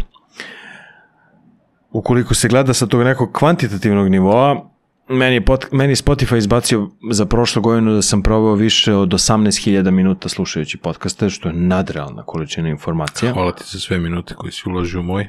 Santa Maria della Salute. Hvala ti za sve podcast minute. Santa Maria della Salute. to je to. To je to. To je to. Nećemo pričamo o inicijalnim početcima za svaki slučaj. Nema veze. O, da. A, tako da u principu, iako je dobar, neki deo minuta tih je otišao čak i na spavanje jer jednostavno pustiš. Srećem vremenom je Spotify ubacio varijantu da može da ti se ugasi Spotify, e, da ti se ugasi aplikacija posle pola sata, znači možeš da upališ sleep timer. Ne znam da si vidio to. Ima sleep timer na 10, 15, pola sata, sat vremena i 2 sata valjda. Aha. I bukvalno ga upališ i on stane tačno posle pola sata. Par puta mi se desilo da stignem do tog tajmera i onda sam fuzonu kao tebra ležiš već sat vremena, ono, spavaj već jednom. Možda će povežu svojim satovima, sad što mere sve živo, koji će da znaju kad si zaspo stvarno. To bi bilo strava, I realno. onda sinkovan i on ti prekine tačno podcast u trenutku kad si zaspo. Je, ti satovi su mnogo dobra stvar zato što ja imam neku narokvicu. Kad smo već kod satova imam narokvicu. to je onaj vic za, za cigana koji piše o, o, ovo, kako se zove, slon, A ne, ja znam za kravu i za sovu. E, a je to? to a to, pa, isti đavo, isti. Ne znam puno o sovi, ali pričat ćemo o kravi. Da, da, da, so, fazon. sova životinja, sova ptica koja živi noću, ne znam puno. Upravo to. Tako da ja ćemo pričamo o svoje narukvice koje imam. I dobra je stvar to da se meri kvalitet spavanja, pogotovo kada to uporediš sa, na primjer, nekim informacijama da čovjek bi trebao da spava između 7 do 9 sati. Mislim, i ti kada vidiš da jednostavno za jednu noć si spavao 4-5 sati, da jednostavno nije zdravo i kako, tako vremenom, kada uporediš te sve neke podatke koje dobijaš kroz da kažem, digitalne tehnologije, ti stvarno možeš sebi da promeniš život, jer možeš da shvatiš, ok, kao spavao sam 5 sati danas, vidim da u, u 4 sata popodne već nisam ni za šta, ajde legnem večeras ranije, čisto vidim kako će sutra biti, kad sutra vidiš da si odspavao 7 i po 8 sati, ti si na, ti možda vidiš i da uporediš direktno te dve stvari. Da, podcast, jel te? A, u principu, sve je počelo tako što smo moj ortak i ja igrali NBA i onda, pošto smo imali toliko razilaženje u muzici, on je slušao težak metal, uglavnom onaj, što ljudi zovu sektaški metal, Ghost i ostale bendove, a ja sam, jel to u tom trenutku slušao popriličnu količinu elektronike, mi smo shvatili da neki, nešto između Joe Rogan, otprilike. I tako, slušajući Rogana, nešto između bio Joe Rogan, Između metala i elektronike čaroga. To je to, pa bukvalno, mislim, se udar nekoliko sve to. I onda smo slušali tako Rogana i on meni je trenutku rekao kao, pa znaš, ima ovaj Peterson pišao, sluš, pričao neke zanimljive stvari. I bukvalno uvođenje Petersona u moj život, Jordana Petersona, jel te, je meni neka stvar koja mi je drastično promenila život. Zato što postoji direktna korelacija između shvatanja da je najvažnija stvar u životu lična odgovornost i da treba da stojiš iza svih svojih apsolutno posledica, što je nešto što si me i ti učio, što mi je Ćale učio. Ali ta varijanta kad sam ja to dobio od kanadskog psihologa koji, jel te, zna stvari koje priča, je meni drastično promenila život, jer tada sam zapravo počeo da primenjujem i kako sam počeo da primenjujem određene stvari, ne nužno ona varijanta navesti krevet da bi mogao da imaš namešten krevet, jel te, ali kada sam počeo shvatam koliko je ta lična odgovornost važna, tada sam počeo da vidim i benefit od svega toga. I bukvalno danas ne bi bio tu da nismo mi bili dokoni, igrali NBA po peti sat uzastopce i slušali Petersona i kako sam primenio Petersona, tako je krenulo i karijerni, karijerni razvoj, a najviše lični razvoj. Koji su ostali podcasti? Ah, Da, da vadimo spisak. Spisak postoje, što bi rekli. A, da, znači što se tiče nekih, podelio sam ih u dve kategorije, ti neki, ja da kažem, daily i neki business podcasti. Znači što se tiče daily podcasta, u poslednje vreme sam najviše fokusiran na Chrisa Williamsona ispred podcasta Modern Wisdom. On je jedan fascinantan primer toga kako je konzistentnost jedna od najvažnijih stvari na, na svetu i verovanju to da će to na kraju sve biti okej. Uživali za 10.000. Živjeli za 10.000 kad smo već kod toga. A, ono što se njemu desilo jeste da u prve tri godine izbacivanja epizode, tri godine je bilo njemu potrebno da dostigne 100.000 subscribera, a kada je dostigao milion subscribera, 100.000 subscribera je stekao za 28 dana. Pored njega, naravno, svačiji omiljeni uj- ujak, Joe Rogan, a, pored njega Diary of a CEO. Diary of a CEO ne konzumiram često, jer su vrlo, vrlo teške epizode, ali stvarno ima fascinantno. Ja sam počeo da sma, ono, mene počeo da smara kad je ono, u tri epizode natero goste da plaču, otprilike. ono. Znači, to mu je bio ono, efekat, razumeš, kao, ovaj se rasplakao, ovaj se ras- na kraju kad je Gary Vee plakao kod njega u podcastu, bio sam varijant kao, ok, too much, znaš. Moguće. Meni, moguće. Ali ima iskreno. dobrih priča. Ima, apsolutno. A, pored toga, Scott Galloway i još jedna žena, ne mogu tačno setim kako se zove, vode a, podcast Pivot, gde analiziraju a, dosta tema koje se, koje, koje se obrađuju u tom trenutku u Americi a, i sa te tek strane. Što se tiče domaćih podcasta, tu gotovim biznis priče, pojačalo i a, dopis iz Disneylanda, dva luda bosanca. A, a što se tiče tih nekih a, biznis podcasta, tu su mi ubedljivo omiljeni My First Million, Founders, vrlo zanimljiv, vrlo zanimljiv koncept, gde David Sandra, mislim da se zove podcast host, on na svakih nedelju dana pročita jednu biografiju jedne poznate ličnosti i onda iskoristi podcast epizodu da bi distilovao, ne znam kako se srpska reč, da bi distilovao sve od toga što je dobio od njega. Tako da je vrlo zanimljiv koncept, pogotovo za ljude koji gotive da čitaju uh, Biografija. biografije i njega bi i njegovo gostovanje u Modern Wisdomu bih definitivno preporučio svima. Što se tiče ljudi koji su u B2B marketing svetu, tu mislim da je najbolja varijanta praćenje Revenue Vitalsa, Create Like the Greats i Everyone Hates Marketers. I tu bih stao sa svojim preporukama za podcaste, pošto baš ih ima dosta, jel te? Definitivno. Shut out. Da, bukvalno. A, gomila tih podcasta govore o i knjiga koje si koje si krenuo da čitaš govore i o stoicizmu i znam da se ložiš na tu priču. Da. Mis- Mislim, stoicizam je na neki način ga ja smatram i kao metodologiju i kao religiju. Ali je jedan zdravorazumski pristup životu za jednog nesnađenog muškarca kakav sam ja. I dalje sam. Mislim, nisu ništa promenilo to drastično. Zato što to ti daje neku vrstu a, seta vrednosti kojima ukoliko se pratiš, isto kao i religija, set vrednosti ukoliko se pratiš njima, ti ćeš imati svako kval- kvalitetan život. Jer četiri te glavne vrline na kojima se stoicizam zasniva su uh, justice, temperance, courage i wisdom. To jest pravda, kako bismo temperance preveli? Ti si Umerenost. umerenost, hrabrost i wisdom. Mudrost. Mudrost, mudrost, hvala. Ti si mudrost ovo ovde. Ja ti dam koncept i piče dalje. To je to, bukvalno. I generalno, ukoliko svaki neki tvoj vrednostni stav, svaka tvoja akcija, ukoliko, uklapa u ne, ukoliko se uklapa u neke od te četiri vrednosti, ti ćeš realno imati jedan fantastičan život. Meni je stoicizam pomogao, na primjer, u nekoj suludoj situaciji u kojoj sam bio izbačen iz stana u koji sam se preselio, 24 sata kasnije, to jest 18 sati kasnije, zašto mi je to bilo jako smešno, preselio sam se i onda sam dan kasnije saznao da treba da se iselim iz tog stana i meni prvo dve stv... ja počinjem da se smejem u tom trenutku zato što sam se setio da je jedan od glavnih ajde da kažem, ljudi u stoicizmu je bio Zino, koji se, kome se desilo da je imao neki brodolom gdje je izgubio svo svoje, carstvo, svo svoje bogatstvo. Dobro. A paralelno pored toga mi je prošla kroz glavu pesma od 50 Centa When it rains it pours, što je ono najboljih matrica ikada, otprilike. Tako da sam bio u tom trenutku poprilično i ponosan što imam tebe, što imam Kevu, zašto sam shvatio, ok, kao, da se ovo desilo ili od pre 3-4 godine, bio bih oz- ozbiljno u problemu. Zato što u tom trenutku, na primjer, nisam imao ni financija da budem u varijanti kao mo platit ću hotel na mesec dana, mislim, snaći ću se.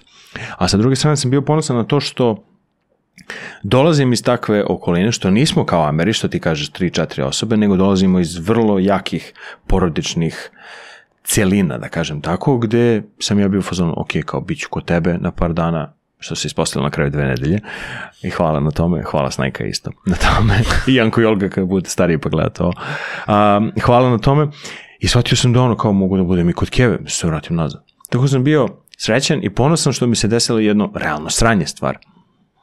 Tako da mi stoicizam pomogao malo da hendlam tu stvar, a i generalno mi imamo, nas dvojica, imamo problem taj što smo odrasli pored nervoznog oca. Kada porasteš pored, kada odrasteš uz nervoznog oca, dobar deo tog ponašanja bude prebačen i na tebe, jer jel te svi obrazci ponašanja a, koje, na koje, koje ti naučiš godinama su obrazci koje povučeš iz familije. I onda stoicizam jako dobro dođe kao antidot tome. Zato što glavna stvar u stoicizmu je da se fokusiraš isključivo na stvari na koje možeš da kontrolišeš. I da se ne, da te ništa drugo apsolutno ne tangira. Pada kiša napolje, koje je mater. Ne menja mi ništa. Samo ću se obučem drugačije. I to je to. Dobro, Kiša je važna komponenta života. Apsolutno. Ja volim kišu. Kad ne bi bilo kiše, Kako bio bi kažu? problem. Od svetog Ilije sunce sve milije. To. Tako da. A daj, e, daj još neke life hackove koje si preuzeo iz podcasta i raznih nekih svojih zaključaka. Kupite kakjelak. kakjelak.rs Ako imate problema sa stomakom, ukoliko ste ogledali jedan od najboljih marketinških reklama na svetu, Squatty Potty, kakjelak je srpska verzija toga, meni je kakjelak apsolutno promenio život. Ubacivanje toga, mm, hm, Dobar miš, rešava sve probleme. Za posao Logitech MX Master 3S, topla preporuka, noise cancelling slušalice ukoliko radite u kancelariji, pod obavezno, pogotovo ukoliko se bavite pisanjem u kancelariji. Uh, life hackovi, hm, kreatin treba se pije ukoliko aktivno trenirate i treba da pijete dosta vode uz to. Iskreno proti kažem, ne pada mi sad više ništa dodatno na pamet. I izbjegavajte kofein u prvih sat i po vremena ukoliko imate kreševe oko 12.1.2. A posle ručka? Posle ručka, da. A to je to, to je taj kreš. Upravo to. Ove, reci mi, e, ti si uspeo da zadržiš dobru sredinu u tim nekim trenucima, zato što često su gosti koji su gostovali po podcastima polarizujući i digitalni kreatori i sve to da upravo to kao od Petersona si uzeo ono što se tebi dopalo, ali si imao otklon prema nekim stvarima koje su za tebe bile. I to je recimo često zna da bude problem za ljude danas koji biraju sadržaj, koji biraju kreatore, da ne umeju da da pored onoga što gledaju, da imaju i otklon prema nekim stvarima koji ih prosto ne interesuju. Kako tu sredinu biraš?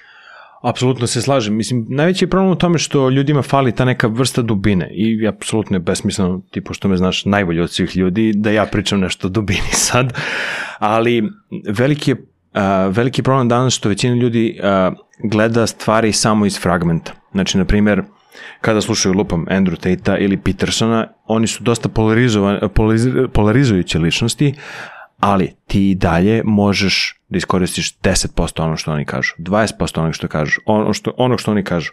I da, ukoliko primjeniš to, tebi će život biti kvalitetniji. Što mene briga što Andrew Tate smatra da žene treba da budu u kuhinji i nigde drugde. Ne interesuje me. Ali neke stvari koje su vezane za ličnu odgovornost, koje zastupa on, možda nađeš i u Petersonovim stavovima, a isto tako možda nađeš i u, Mar u, u meditacijama kod Marka Aurelija, realno. I ti ukoliko primjeniš ličnu odgovornost kao koncept takav, tebi je nebitno za ove ostale stavove. Znači mislim da je danas jako važno to da kada zastupaju određen stav, da stvarno urade neko istraživanje iza tog stava, a ne da ga samo prihvate tako zato što vide da ljudi čije mišljenje oni vrednuju, da ti ljudi zastupaju ta stav. Nego jednostavno, brate, odslušaj ti podcast o kome Andrew Tate priča 4 sata, pa nađi stvari sa kojima se ne slažeš s njim. Ali ukoliko gledaš 10 klipova o Andrew Tate-u koji on priča o nečemu i ne slažeš se s njim, ti si onda u problemu. Formirao svoj stav. Tako ti si formirao svoj stav na osnovu malog segmenta, malog isečka na osnovu klipa od 30 sekundi u poređenju sa 4 sata intervjua koje radiš s njim. Šta prije sam pričao o Bogu, isto, neke stvari. Kad on kreće tako u teoriju, u Junga, u ove ostale stvari, to iskreno ne, ne tangira me toliko mnogo. A sa druge strane, kada priča o ličnoj odgovornosti, o tome da je najvažnija stvar konzistentnost u životu, kada kaže da je najvažnija stvar kada kaže da je um, smisao života prihvatanje i iznošenje iste koli, količine odgovornosti koje ti u tom trenutku možeš da hendlaš je meni apsolutno promenilo život. Znači prihvatanje onolike količine odgovornosti koje ti u tom trenutku možeš da hendlaš. Zato što vremenom će i tvoja potreba za odgovornošću rasti gore. I ne treba nikad imaš ni premalo odgovornosti, zato što ćeš onda a, ukoliko nemaš dovoljno odgovornosti, otići će ti mozak u neku vrstu dokonosti. Kad mozak ode u dokonost, to je auto, ponekad i autodestruktivno ponašanje. Dok sa druge strane, ukoliko Zavisi, imaš nekad previše... izuzetno kreativno ponašanje. Jeste. Dok, dok on mozak može da bude kreativan. Jeste, ali može isto tako da te ubaci u, u negativnu povratnu petlju iz koje ne možeš da se izvodiš, nego jednostavno samo is, isključivo tražiš sledeći haj koji će dobiti od nekih kratkoročnih zadovoljstava. Da zaokupiš mozak. Tako je, da zaokupiš mozak. Dok sa druge strane, ukoliko imaš previše odgovornosti na sebi, to može da bude vrlo, vrlo teška stvar, zato što to može tebi da apsolutno slomi ego, da ti ne možeš da se pokupiš više, da dođeš u tu neku vrstu paralize, jer ne znaš šta da radiš sa tolikom količinom odgovornosti. Paralelno, pored toga, meni jedna od ključnih stvari, to je evo sada javno ti kažem, jedna od ključnih stvari koja je meni promenila život vezano za taj smisao života je bila rečenica kada si ti meni došao i rekao ne znam da li shvataš, ali mi smo ovde na jako dobar način postavljeni. Zašto? Zato što ja pomažem tebi da bi ti pomogao Janku i Olgi, tvoje deci, da bi moje deca mogla pomognu tvoje deci. Ja ne mogu tebi da opišem koliki moment a, je to meni uvalo u život. Zato što ja do tada stvarno nisam znao zašto bih ja bilo šta radio u životu. Bukvalno. Ali kad sam ja shvatio, e, pa da, kao, ja, ja ću pomoći njima, ko njih volim više nego bilo koga na svetu. Stvarno tako. To volim, mislim, ali kao, i dalje su mi oni na prvom mestu, žao mi. Što sam bio tu kad se rodili, pre, menju sam im pelene i ostale stvari, mislim. Ali taj moment, kad sam ja shvatio da... I ja sam tebi. pa to je to, ali to je to, mislim. Cirkulisanje pelena u prirodi. Kad sam ja shvatio da ja to treba da radim sve zbog njih, meni se sve promenilo i onda jednostavno to je meni dalo neki, neku vrstu smera u kome ja treba da idem u životu. Tako da to i hendlovanje te količine odgovornosti koje možeš. I onda vremenom tako treba da se menja. Ali recimo to je meni isto tako, mada sam ja imao taj koncept, ono, stajanje na ramenima džinova, ono, iz, kao, kao citat i kao koncept, ali to isto, recimo ovde baš u podcastu ispričala Sonja Dakić, jer ona isto očekuje, ona sada pomaže budućim preduzetnicama, ali isto Mhm. tako ona ne doživljava da će najveći deo tog znanja otići njenoj deci, nego da će neko drugi učiti njenu decu. Mhm. znaš. Sjajno, Tako da je to kao, kao koncept nastav, nastavljanja svega, apsolutno. kruženja pelena u prirodi. da, pogotovo vezano za njenu. da, ona krenu od pelena. pa to je to. E, opet se vraćamo na pelena. Svi počnemo s pelenom, ako ćemo iskreno. da. Kad smo već toliko pričali o podcastima, neminovnosti da da, rasprav, da raspravimo o jednoj poslednjoj temi koja se dešava vezano za podcaste, a to je da li će Trump konačno gostovati kod Rogana.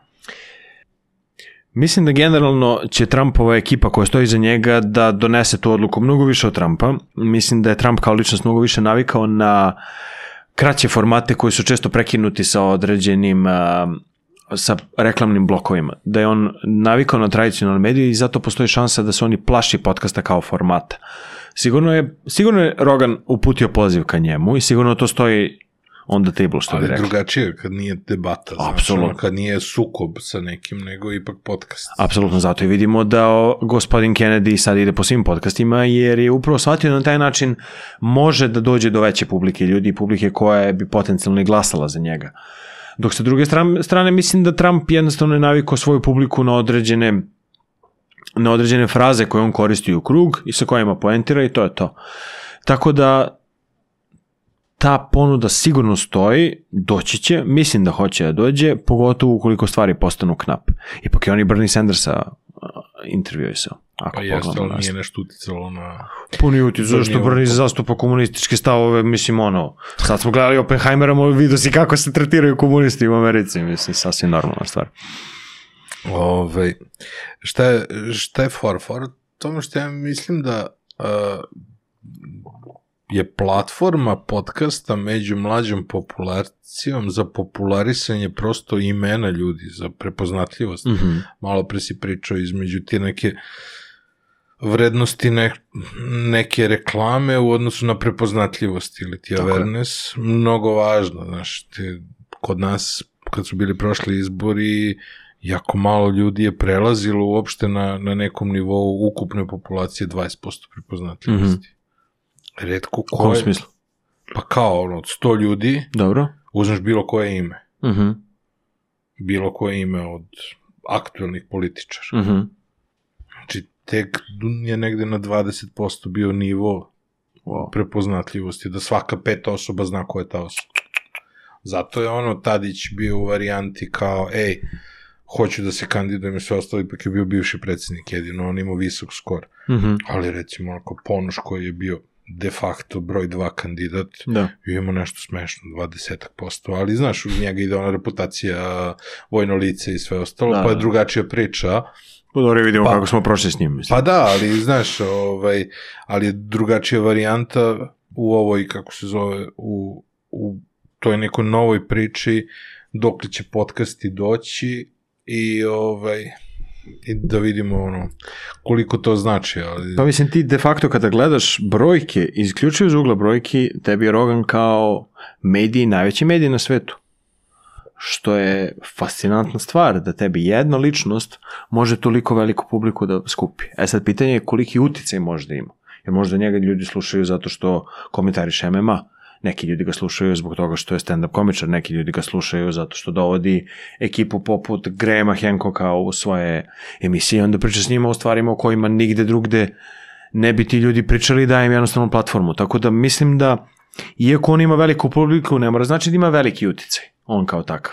Ali je, će svakako, Ima utjecaj na pokretanje tema, možda To ne sigurno. na promenu razmišljanja. apsolutno, mm. to sigurno. To je sad važno i za prepoznatljivost, znaš. To je sad pitanje, znaš, da recimo spojiš 3, 4, 5 najvećih podcasta u Srbiji, to je neki dosek od pola miliona, znaš. Da li je recimo dovoljno za, za neku ličnost da krene po podcastima, recimo, u Srbiji?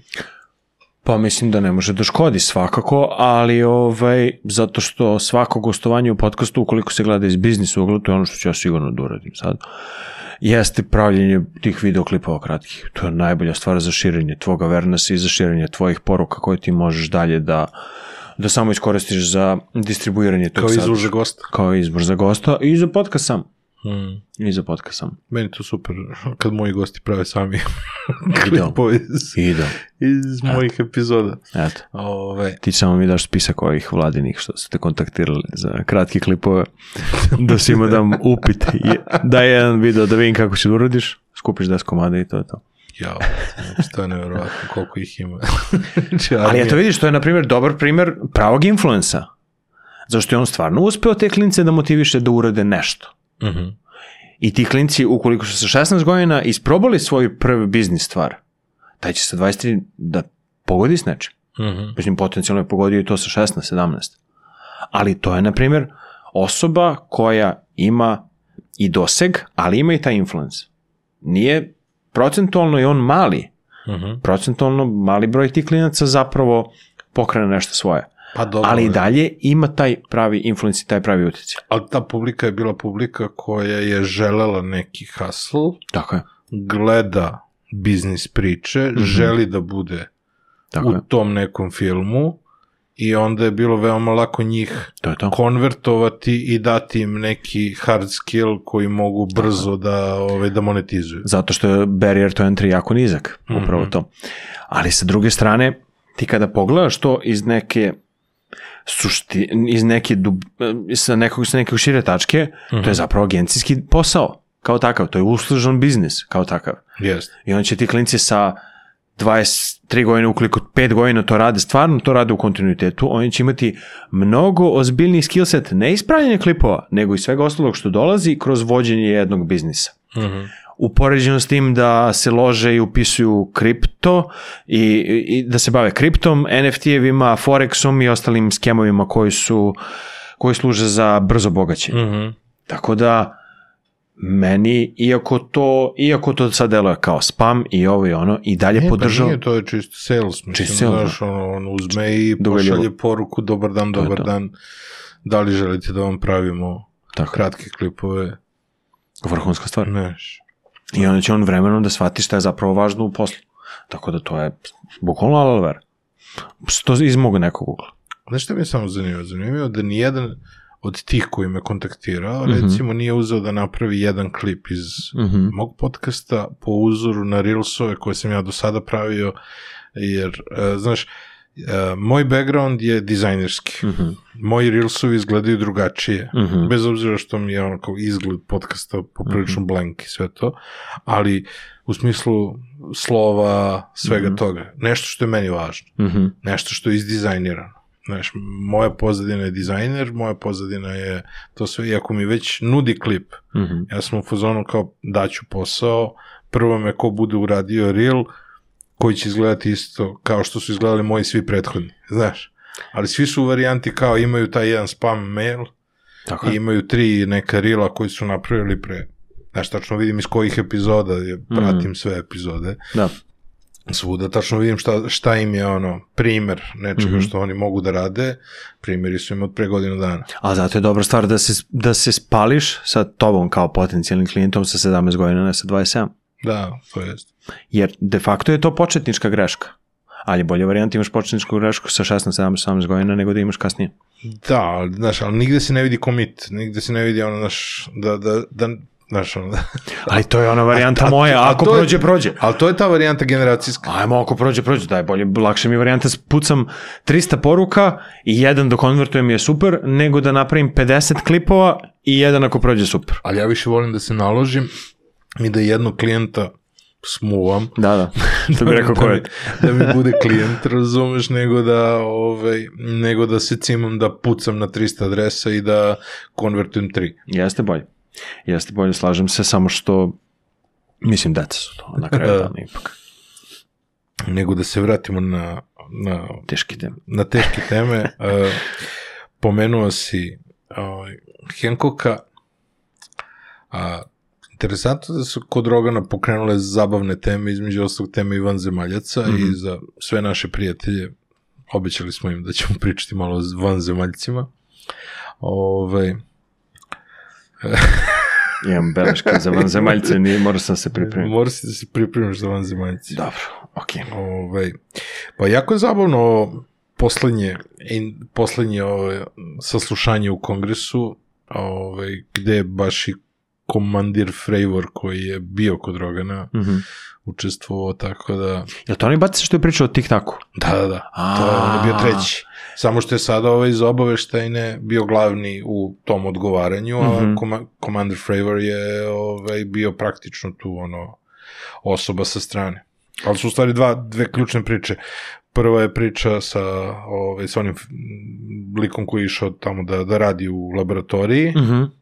A druga je sa ovim koji je to video. Mm to priča iz 2003. 4. Da, da, da. su priča od pre 20 godina Jeste. ali ovaj, je jako zabavno da sada Amerika otvara sva, sve te dokumente i sve to i da glavna priča kreće iz podcasta. Pa pazi, meni se prvo to učinilo kao potreba za spinom.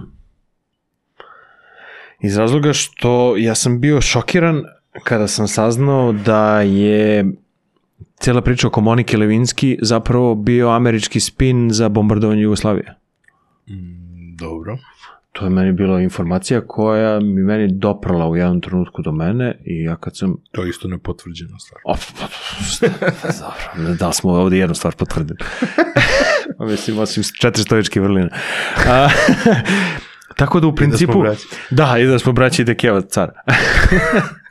Elem, tako da, a, prvo sam pomislio da je spin, a onda je izašla neka fotka, neki mim kao verovao sam u zemaljce dok država nije rekla da su, da su stvarni.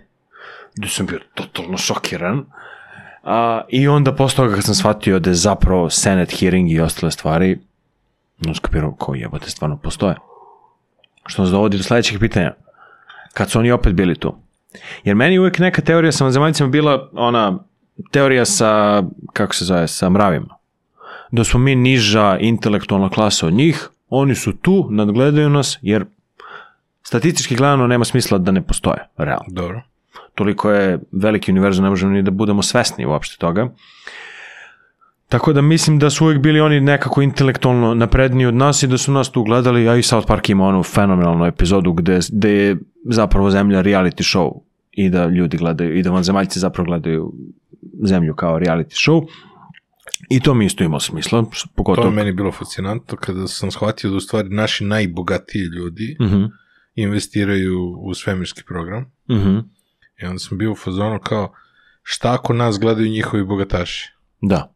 Znaš, šta ako imaju para za, ako zamislimo slično uređenje i sve Mhm. to, šta ako para za sve te svemirske brodove i ostalo imaju samo najbogatiji vanzemaljci. I oni imaju destinaciju, ono, zemlja, da dođu da nas gledaju. Oni neće komuniciraju sa nama. Sigurno. Oni će samo da dođu da gledaju i da odu. Pa da, mislim, jer realno zabavno je pratiti. Mislim, ono, kada se, kada se pogleda sve, kao koliko smo autodestruktivni kao populacija, kao civilizacija, kada se gleda kako se sve stvari dešavaju, to je sigurno njima prezabavna stvar, ukoliko nas koriste na taj način. Ali to dovodi do nekih pitanja kad su oni opet dolazili, kad su oni ranije bili tu. Dobro. To ima direktne korelacije sa onim ra- rani, različitim civilizacijama o kojima su pričali. Da jednostavno mi nismo prva iteracija civilizacije koja je postala na svetu. Što pričaju. Smo se vratili na Na Henkoka malo, da. da. Sve otvara razna pitanja na koje nikad nećemo dobiti odgovor. Jesu to sva pitanja koje su nastale tokom NBA? A, ne, ne, ovo je bilo... Ja sam s njim imao jednu tehniku kada sam išao kod tetke, pošto je tetka bila veliki ljubitelj tenisa, ja bi imao kratke briefove sa njim, do meni kaže desetak najvažnijih stvari iz tenisa da ispadne kao da ja pratim sport, kao da ja pratim tenis i onda kad dođem kod tetke tako, ona priča 45 minuta, ja poentiram sa jednom rečenicom, kao dobar je Federer, mu fali kondicije, znaš, on stario. Jeste, jeste, jeste, jeste. I onda ispadne kao da, ako blago poznaš temu, možeš da sereš dalje i da pustiš dru- drugu osobu da priča, zašto njoj je to važno da priča s nekim. Tako da sa Lukom sam isto tu stvar radio sam za vanzemaljci, jer sam vidio da ispratio, ja nisam, nažalost, ispratio temu. Vidim koliko, koliko failuješ. Pa da, jebi ga, šta da ti kažem. Ove, dobro, morali smo da spomenemo vanzemaljci, teorije zavere, sve smo obišli. E, I hoću jednu stvar da kažem, mi smo sigurni, brate moji. Što? Mi u vrstu imamo podrum, Dobro. ako ispadne sranje, podrum. Ja sam svaki scenario, To je isto kao ko Bosanac kad kaže ako bude smak sveta beži u Nemačku, mislim. Tako je. Zato što ja mislim da mi u našem podrumu uvrstu smo sigurni od svega. Ja sam razmišljao o zombi smo apokalipsi i o koroni, pa je dobro jebi ga. Ali ukoliko dođemo zemaljci, manje će biti saobraćaja. Što ima manje saobraćaja, bit će manje emisije. Što ima manje emisije, manje će pada kiša. Aha. Tako da smo sigurni od poplava. Na neki način. Jako mnogo tvojih razmišljanja dolazi iz bleje sa ortacima. Nažalost. Ove, ta bleja sa ortacima je krenula prvo po planinama, a sad ste bili na Siciliji. Kako su iskustva sa Sicilijom? Sicilija je jedno fantastično mesto koje treba da se obiđe sa lepšom polovinom, a ne kao četvorica muškaraca, na najromantičnije mesto na svetu. Topla preporuka za a, Taorminu, za Noto, za Sirakuzu i velika antipreporuka za Palermo.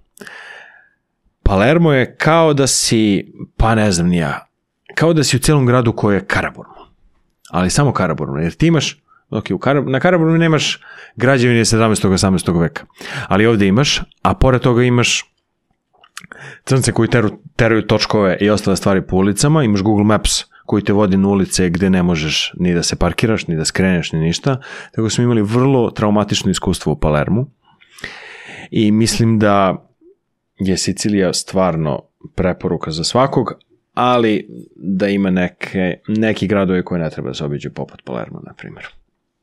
Iako je glavni grad. Znači, ako idete u Palermo i idete lepo autobusom, autobusom se vratite nazad, ili vozom, ili čime god, kolima svojim, nikako, to je rentakarom, nikako, apsolutno. To nije tvoje prvo iskustvo sa Italijanima. Definitivno. Još sa Spotifyem si imao prvo italijansko iskustvo. To je, to je moment u kojem sam shvatio da, da te neke veštine koje naučiš u poslu možeš da premeniš za bilo koju moguću situaciju. Tad sam neposredno otišao iz Ford Oca i radio sam u Skylidu, godine otprilike 2020. ili- Da, 2020. neki septembar, oktobar. Meni je došla rečenica od ortaka nekog, Ej, jel hoćeš da imamo Spotify? Ja sam znao za Spotify jer sam imao jednog ortaka koji živi u Švedskoj, pa meni pomenuo sluša muziku preko Spotify, a ne komisiji rotinja preko YouTube-a, znaš kvalitet muzike je bolji itd. itd. I rekao, ajde, hoću. Koja je fora, kaže, preko dark weba kupujemo hakovane Spotify naloge, upadamo na tuđe porodice, Tuđe Pot- porodične naloge. tuđe porodice. da- Sva što pričaš ovde. upadamo u tuđe porodične naloge, potrebno je samo da imaš VPN, mi se ulogujemo, kreiramo nalog i izađemo i- blejimo tu kao paraziti. I rekao, super. I to je, otprilike sam imao nekih godinu, dve, nalog svoj, dok nisam jednog dana dobio mail na italijanskom da sam izbačen iz porodice. I rekao, dobro, ajde, izbačen iz porodice, jel te, sreće pa nije Corleone porodica, pa da ozbiljno, da ne kažem šta. I dobio mail na italijanskom si izbačen i rekao, ajde, sad sam već počeo da radim, ozbiljan sam čovjek, došao Spotify među vremenu i u Srbiju i rekao, aj, počet ću ja da plaćam svoj Spotify i mesec, dva nakon toga, meni na Instagramu stiže poruka sa nekog random naloga, ja radio drugu smenu od kuće iz Vršca, piše poruka I finally found you a fucking piece of shit. I kreće Italijan da me napušava. Ne možeš da veruješ koliko. Znači, ti si mi uhakovo Spotify, ti si mi uhakovo Netflix, ti ovo, ti ono.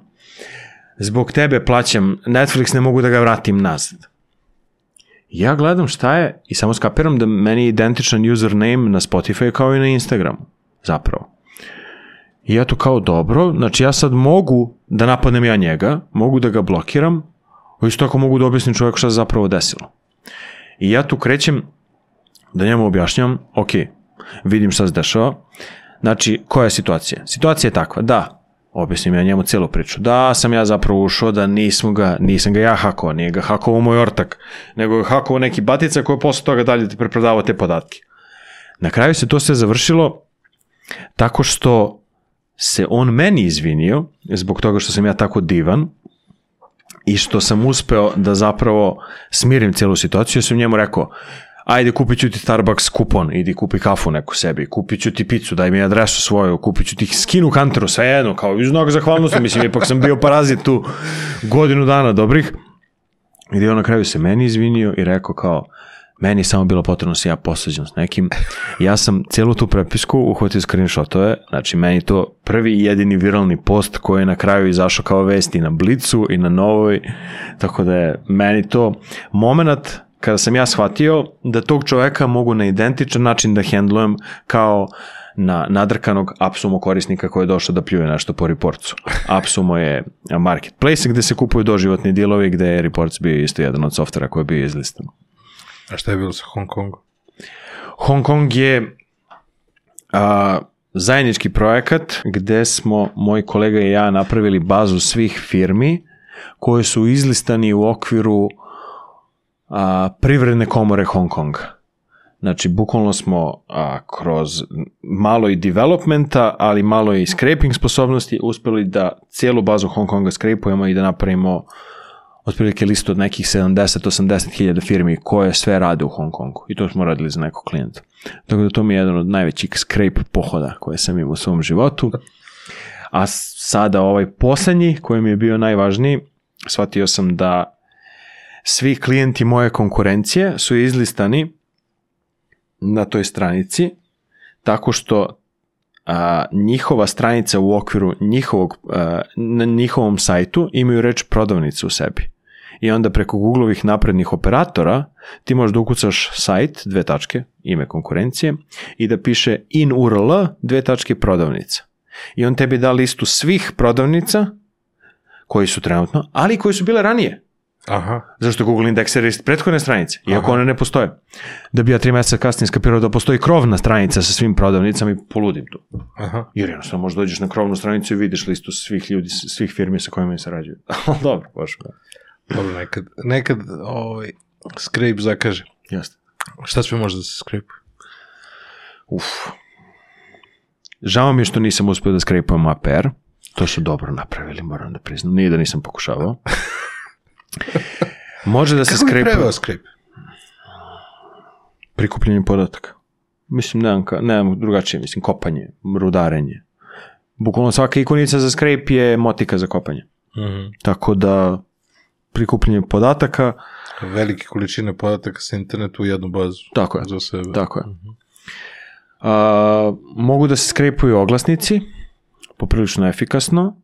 Znači, jako je važno da se prilikom skrepovanja razvije ta logika da se prepoznaju različiti tipovi stranica, jer u većini slučajeva imaš individualne stranice u okviru određenih lista stranica. I onda je važno da se postavi taj sistem, jer ti koristiš jedan alat za skrepovanje listi da bi dobio linkove od individualnih stranica. Šta svi ljudi mogu da dobiju sa recimo Google Maps? Google Maps može dobru količinu podataka ti da. A, ono što je, na primjer, zanimljivo kod Google Mapa jeste da može prvo da se povuče baza, to jest lista svih a, Google My Businessa koji su izlistani. Google My Businessi su one stvari kad ukucaš, na primjer, restorani Beograd i onda individualni profili koji izađu, to su Google My Business profili. Znači, može prvo da se napravi spisak tih stvari, gde u većini slučajeva se dobiju te javno dostupne informacije koje su ime, a, link do sajta, adresa, broj ratinga, broj telefona i ostale stvari koje su oni iznali koje su javno dostupne.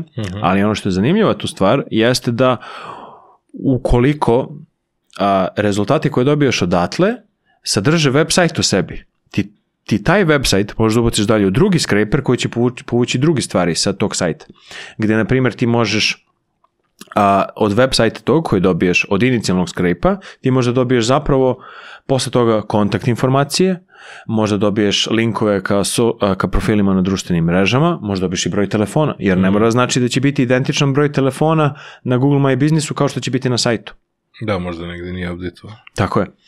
I u većini slučajeva i sa sajtova isto tako možda skineš, naprimjer, možda pogledaš koja tehnologija firme koriste. Zato što imaš neke skrejpere koje, koje možda upališ da ti on vrati nazad spisak tehnologija koje su izlistane na tom sajtu. Pa onda ukoliko prodaješ neku vrstu softvera uh -huh. za određen tip firmi, ti možda dođeš i vidiš, aha, ovi koriste konkurenciju, super, znači već su upućeni u to. Znači njima prilazim iz, dru, iz jednog ugla. Ali, na primjer, ne koriste nijedan softver, super, znači njima moram priđem iz ugla edukacije Aha, ne o tome ka, kakav softver može da se koristi zapravo. Dobro, i za kraj sipamo liker Mm -hmm. i imamo specijalno o, imamo specijalni razlog za osipanje likera. Mm -hmm. Ova epizoda proslavlja 10.000 subscribera, ali ova epizoda takođe premijerna. Dan pre rođendana naše zajedničke majke. Naše mame. Naše mame, tako da, Kevo, ako si izdržala do ovde sa nama, verovatno jesi, sreći rođena, verovatno niko drugi nije ostao do kraja, pošto su nam malo bile šizofrene teme. Moguće. Ali, Kevo, sve najbolje. Kevo, sve najbolje, sreći rođena. Sreće rođena. Ah. Nećemo pevamo pesmicu. Hmm? Neće pevamo pesmicu. Da pevamo pesmicu u podcastu. Pa, mislim da. Kao što se ne jede, može se ne Pevat peva ćemo pesmicu. sutra. Realno. Ove, hvala ti puno. A, Tu sam i za Bićemo, malo je teško u stvari postavljati pitanja nekome koga poznaješ i onako Mm. komunicirati kad manje više sve teme istrošimo. Moramo da čuvamo neke teme, Moguće. ovaj, da ih ne spojlujemo i da onda budu surprise. A i to je ono što ti pričao danas, da mislim da naša konverzacija je u većini slučajeva te transakcione prirode, gde je više varijanta kao, e, šta ćemo da jedemo, kad idemo završati, te su klinci, da je ovo, da ono. I onda Da. nemamo toliko dubinu razgovora na ovaj način. Da, ali imali smo uvek ne, neke tako teme kada neko iskopa, ali znaš, Apsolutno. malo je, malo je teže, ovaj, sad znamo da treba da čuvamo neki fajl, Mm. za svako po pet tema, deset tema za, za epizodu i Jel svako da će priprem, pripremljeni. vežba ćeš pred ogledalom. Apsolutno. Dobro, došli si pripremljen, dve košulje, tri para naočara, Sad ti kažem. piće. Estetika je važna. Neće niko slušati do vanzemaljaca. Kad dođe do vanzemaljaca reći, ja, dobro, šta ovaj Smarević Ćosić. A možda će premotiti na vanzemaljci. Nadam se da će. Samo zbog toga da Nemoj da ostaviš kao timestamp vanzemaljci, inače se svi kliknu prvo na to. Biće zabavno kad budu, kad budu videli sve ove timestampove ispod. Vanzemaljci. Hvala ti puno. Hvala tebi, brate moji, na pozivu. Hvala vam što ste gledali još jednu epizodu, još podcast 1. Ovo je bio moj razgovor sa mojim bratom Ilijom Ćosićem. Nadam se da ste uživali. Ako ste izdržali do kraja, hvala vam puno. Ostavite nam neki subscribe preko ovih 10.000. Hvala vam što ste uz nas, ostavite nam neki komentar, da li vam je ovo sve bilo zabavno i kako da budemo bolji, jer Ilija dolazi i kada bude bilo 20.000 subscribera. Hvala vama, hvala našim sponsorima, to su Beans Kafa uz koju smo razgovarali i Skandinavian Design Centru u čijim smo stolicama sedeli. To je bilo to, slušamo se i gledamo sledećeg četvrtka. Ćao, čao, bye bye. Srećan rođen, Keo.